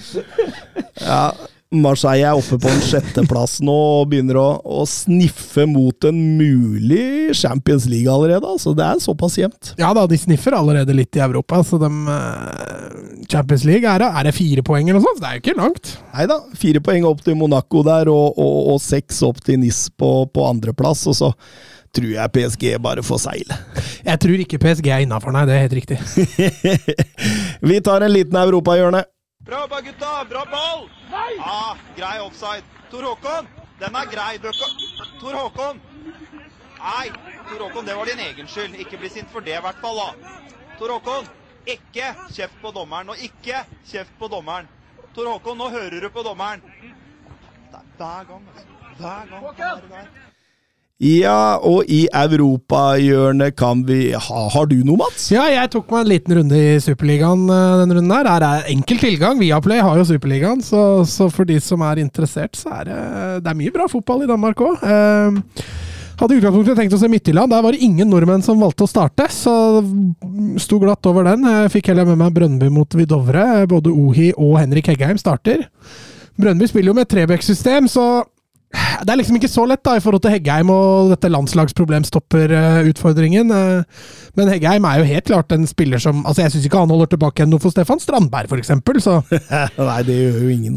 nei, så jeg, jeg syns jo det der kunne vært et godt valg. Kanskje litt feil kamp å, å legge et grunnlag på, for Brøndby er jo fullstendig overlegne, og Vidovre har egentlig ingenting å komme med. Blir ikke satt ordentlig på prøve. Eh, Ohi skårer på et straffespark. Eh, Brøndby vinner fullt fortjent. Kunne også ha vunnet mer enn 4-0, så så en, en, sterk seier der av, av Brøndby. Eh, kan også nevne at Kjøben gikk på et svært overraskende og fryktelig ufortjent tap mot AG Forus eh, hjemme i parken. Eh, Oi fra Nei, Oi, sier jeg. Eh, Moi!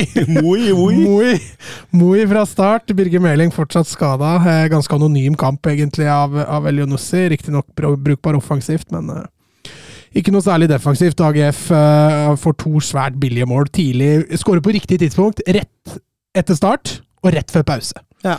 Så det er gode tidspunkt å skåre på, og så får Kjøben en utligning der, og så får de et voldsomt trykk på slutten uten at de klarer å skåre, men eh, et lite ran. Det gjør at Midtjylland, etter at de da slo Wiborg, så, så, holder de stand i, i toppen Midtjylland med, med Brøndby på, på, andre og, Kjøben på tredje, og så er det et lite hopp ned, men eh, de tre er jo de tre, kanskje sammen med Nordsjælland, de tre beste laga i, i, i uh, Superligaen. Kan jo også nevne, altså Jeg har prøvd å få med meg litt av godeste Schjelderup. Syns han er en fryktelig kul spiller. og hadde jo unna han å få litt, men etter at han kom tilbake fra Han, han er blitt helt ødelagt, tror jeg, i, eh, i, Benfica og har ikke fått det til å gli. Og, og var jo ikke engang å finne nå i, i elveren til, eh, til Nordsjælland denne gangen. Så. Såpass ung, da. Ja da, for all del. Han har ikke dårlig tid. Det er ikke det jeg mener, men han, han han ble bytta ut tidlig i den kampen her mot Odense. Nei, han er, ikke, han er, ikke, det han var når han dro, da, for å si det på den måten. Nei. Nei. Ja, Søren? Ja. Ajax tok imot eh, PSS Volle. Uh, og etter fem ligaseiere på rad, så vil man jo gjerne vinne denne kampen òg. Uh, eh, har klart mest ball, uh, men det er sjansemessig en jevn første omgang. Brian Robbey skåra omgangens eneste mål, og Ajax går til pause med 1-0. I andre er Ajax best, og Brobby øker kort tid etter pausen til 2-0. Uh, men Lennart Ty, etter en time spilt, 2-1 uh, til, til uh, Korsgård for Svolle. Um, og så har jo Steven Berghus den store, store store muligheten til å avgjøre det hele her sju minutter før slutt. Og så, og så blir han spill på åpen kasse. Og så klarer han jo ikke å, å, ta imot ballen eller sette ballen på mål. Eller det, det, det svikter fullstendig der. Ja, Du viste jo også den. Det ser ut som han prøver å dempe den. Ja, han vil, når han bør egentlig fyre på første. Ja. Han får jo ikke en vanskelig ball, så du Nei, han gjør ikke det. Uh, det jeg skjønner ikke at det er mulig for en uh, profesjonell fotballspiller uh, å gjøre det der. Um, men, jeg har sett keepere gjøre noen ganger, og så går de i mål. Ja, det, det, men det, det, er noe annet, da. Men uansett, da. Det blir ikke 3-1. Det blir 2-2 for Ty. Han var ikke ferdig. Ett minutt på før slutt så setter han så setter han 2-2, og Ajax eh, avgir poeng. Eh, står nå med 25 poeng etter 16 matcher, fortsatt på femteplass. PSV 16 av 16, 48 poeng på topp. 10 poeng foran eh, Feyenoord og hele 23 foran Ajax. Ajax som skal møte Bodø-Glimt i, mm. i, Conference League nå. Da, da, passer det jo seg bra at uh, Bodø-Glimts store stjerne tok imot årets spillerpris i Ajax-drakt, da. Ja, altså, altså, er jo, altså det, jo, det, er jo en tøff motstander for Bodø. For Ajax har jo begynt å komme seg litt bedre i form. Altså, starten var jo horribel, og det er jo ikke det Ajax altså ikke et Ajax-lag som vi kjenner det, denne Ajax-utgaven er nok den svakeste på en god del år. Uh, men de har jo kommet seg i bedre form og begynne å ligne litt mer på seg sjøl òg, Altså, Ajax er nok favoritter, men jeg tenker, hadde Bodø-Glimt vært i sesong, når mm. de skulle møtes på, på, sånn Ajax er nå, da, mm. så tror jeg det ville blitt jevnere. Det tror jeg. Det, da tror jeg det er vanskelig å spå hvem som ja. hadde gått. Jeg syns Oppda kommer med tall som sa at eh, det landet Ajax sliter mest mm. med i hele Europa, er norske fotballag. ja, de, de har dårlig seiersprosent mot dem. Men det blir spennende. Gleder meg til de oppgjørene der blir gøy for Bodø-Glimt-fansen å få bortetur dit, da. Ja. Og spise kake? Ja, spise brownies. spise brownies og komme hjem og veit ikke om de har landa i Bodø eller i Klaksvik. veit ikke om trappa går opp eller ned, da. Ja, i eh, Liga Nos, eller Liga Portugal om du vil, så var det to store oppgjør denne helgen. Eller eh, Det ene er ikke spilt, eller er i gang nå mellom eh, Sporting og Porto. Eh, det andre var mellom Braga og Benfica. og Benfica fikk en strålende start med Kasper Tengstedt, som eh, kommer seg foran stopper der eh, på et gjennombrudd, og, bredsier inn 0-1 etter bare tre minutter. Petter Halseth spør om Kasper Tengstedt er i ferd med å få gjennombruddet, at det kanskje er vanskelig å få ham tilbake til Rosenborg til 2024-sesongen. og Det vil nok være veldig vanskelig, men, men, men han, om han har fått sitt gjennombrudd, eller hva han han får i hvert fall regelmessig spilletid. Starta på mange måter sesongen som et tredjevalg. I hvert fall en klar backup til, til Arthur Cabral, som de brukte mye penger på fra, fra Fiorentina som Gonzalo Ramos erstatter. Og, men han har jo feila totalt. Han, det, det, er jo null, null, i sekken for han, og ser jo ikke ut som en fotballspiller engang. Og da, da har det åpna seg mye tid for Petar Musa og, og Tengstedt, og jeg syns han har vært god. Jeg føler ikke Roger Schmidt stoler nok på han. Ehm, så det er viktig at han leverer nå, for jeg tror Benfica fort kan se seg etter en ny nier. Men, eh, men eh, fortsetter han som i denne kampen, så, så, så er det sjanser. fordi det, det, er jo Benfica som bør lede både 0-2 og 0-3 etter første omgang der. Eh, Di Maria har en i tverrleggeren, opp av Mendy en i stolpen. De er gode, og så og så, så, faller de av noen gang, og Braga tar mer og mer over og får noen kjempekjanser. Altså, det er, er rett og slett bare en nydelig Trubin i, i Benfica-målet som, som, har rett og slett har stengt målet. Dermed vinner Benfica kampen, tar tre viktige poeng og tabelltopp. Så spørs det hva som skjer med Sporting og, og Porto i kveld. da. Vinneren av den vil overta tabelltoppen. Så det er, det er jevnt oppi der. Mm. Et par spørsmål før vi gir oss. Ja. Eh, det har vært Champions League-trekning i dag. Klas Grønlien, snakk gjerne om trekninga. Hvem er favoritter i kampene, og hvor kan bomben komme? Vi kan begynne med første, første kamp. København-Manchester City. Kommer ikke bombe, i hvert fall. Det tror jeg vi kan slå fast. Jeg tror City har fått orden på det lille utfordringen de har. og Kanskje den mest soleklare favoritten i sluttspillet. Ja, den der kommer til City til å ta ganske greit. Ja levner faktisk København. Det er litt typisk. Jeg tenkte de engelske lagene får de lette, og det fikk de jaggu meg. I hvert fall City. da. De er jo engelske mestere i lette lag. Jeg tror også Arsenal tar Porto. Ja, det, ja, det er ganske tror jeg òg. I hvert fall den formen som de 80-20, i hvert fall. Ja. Ja.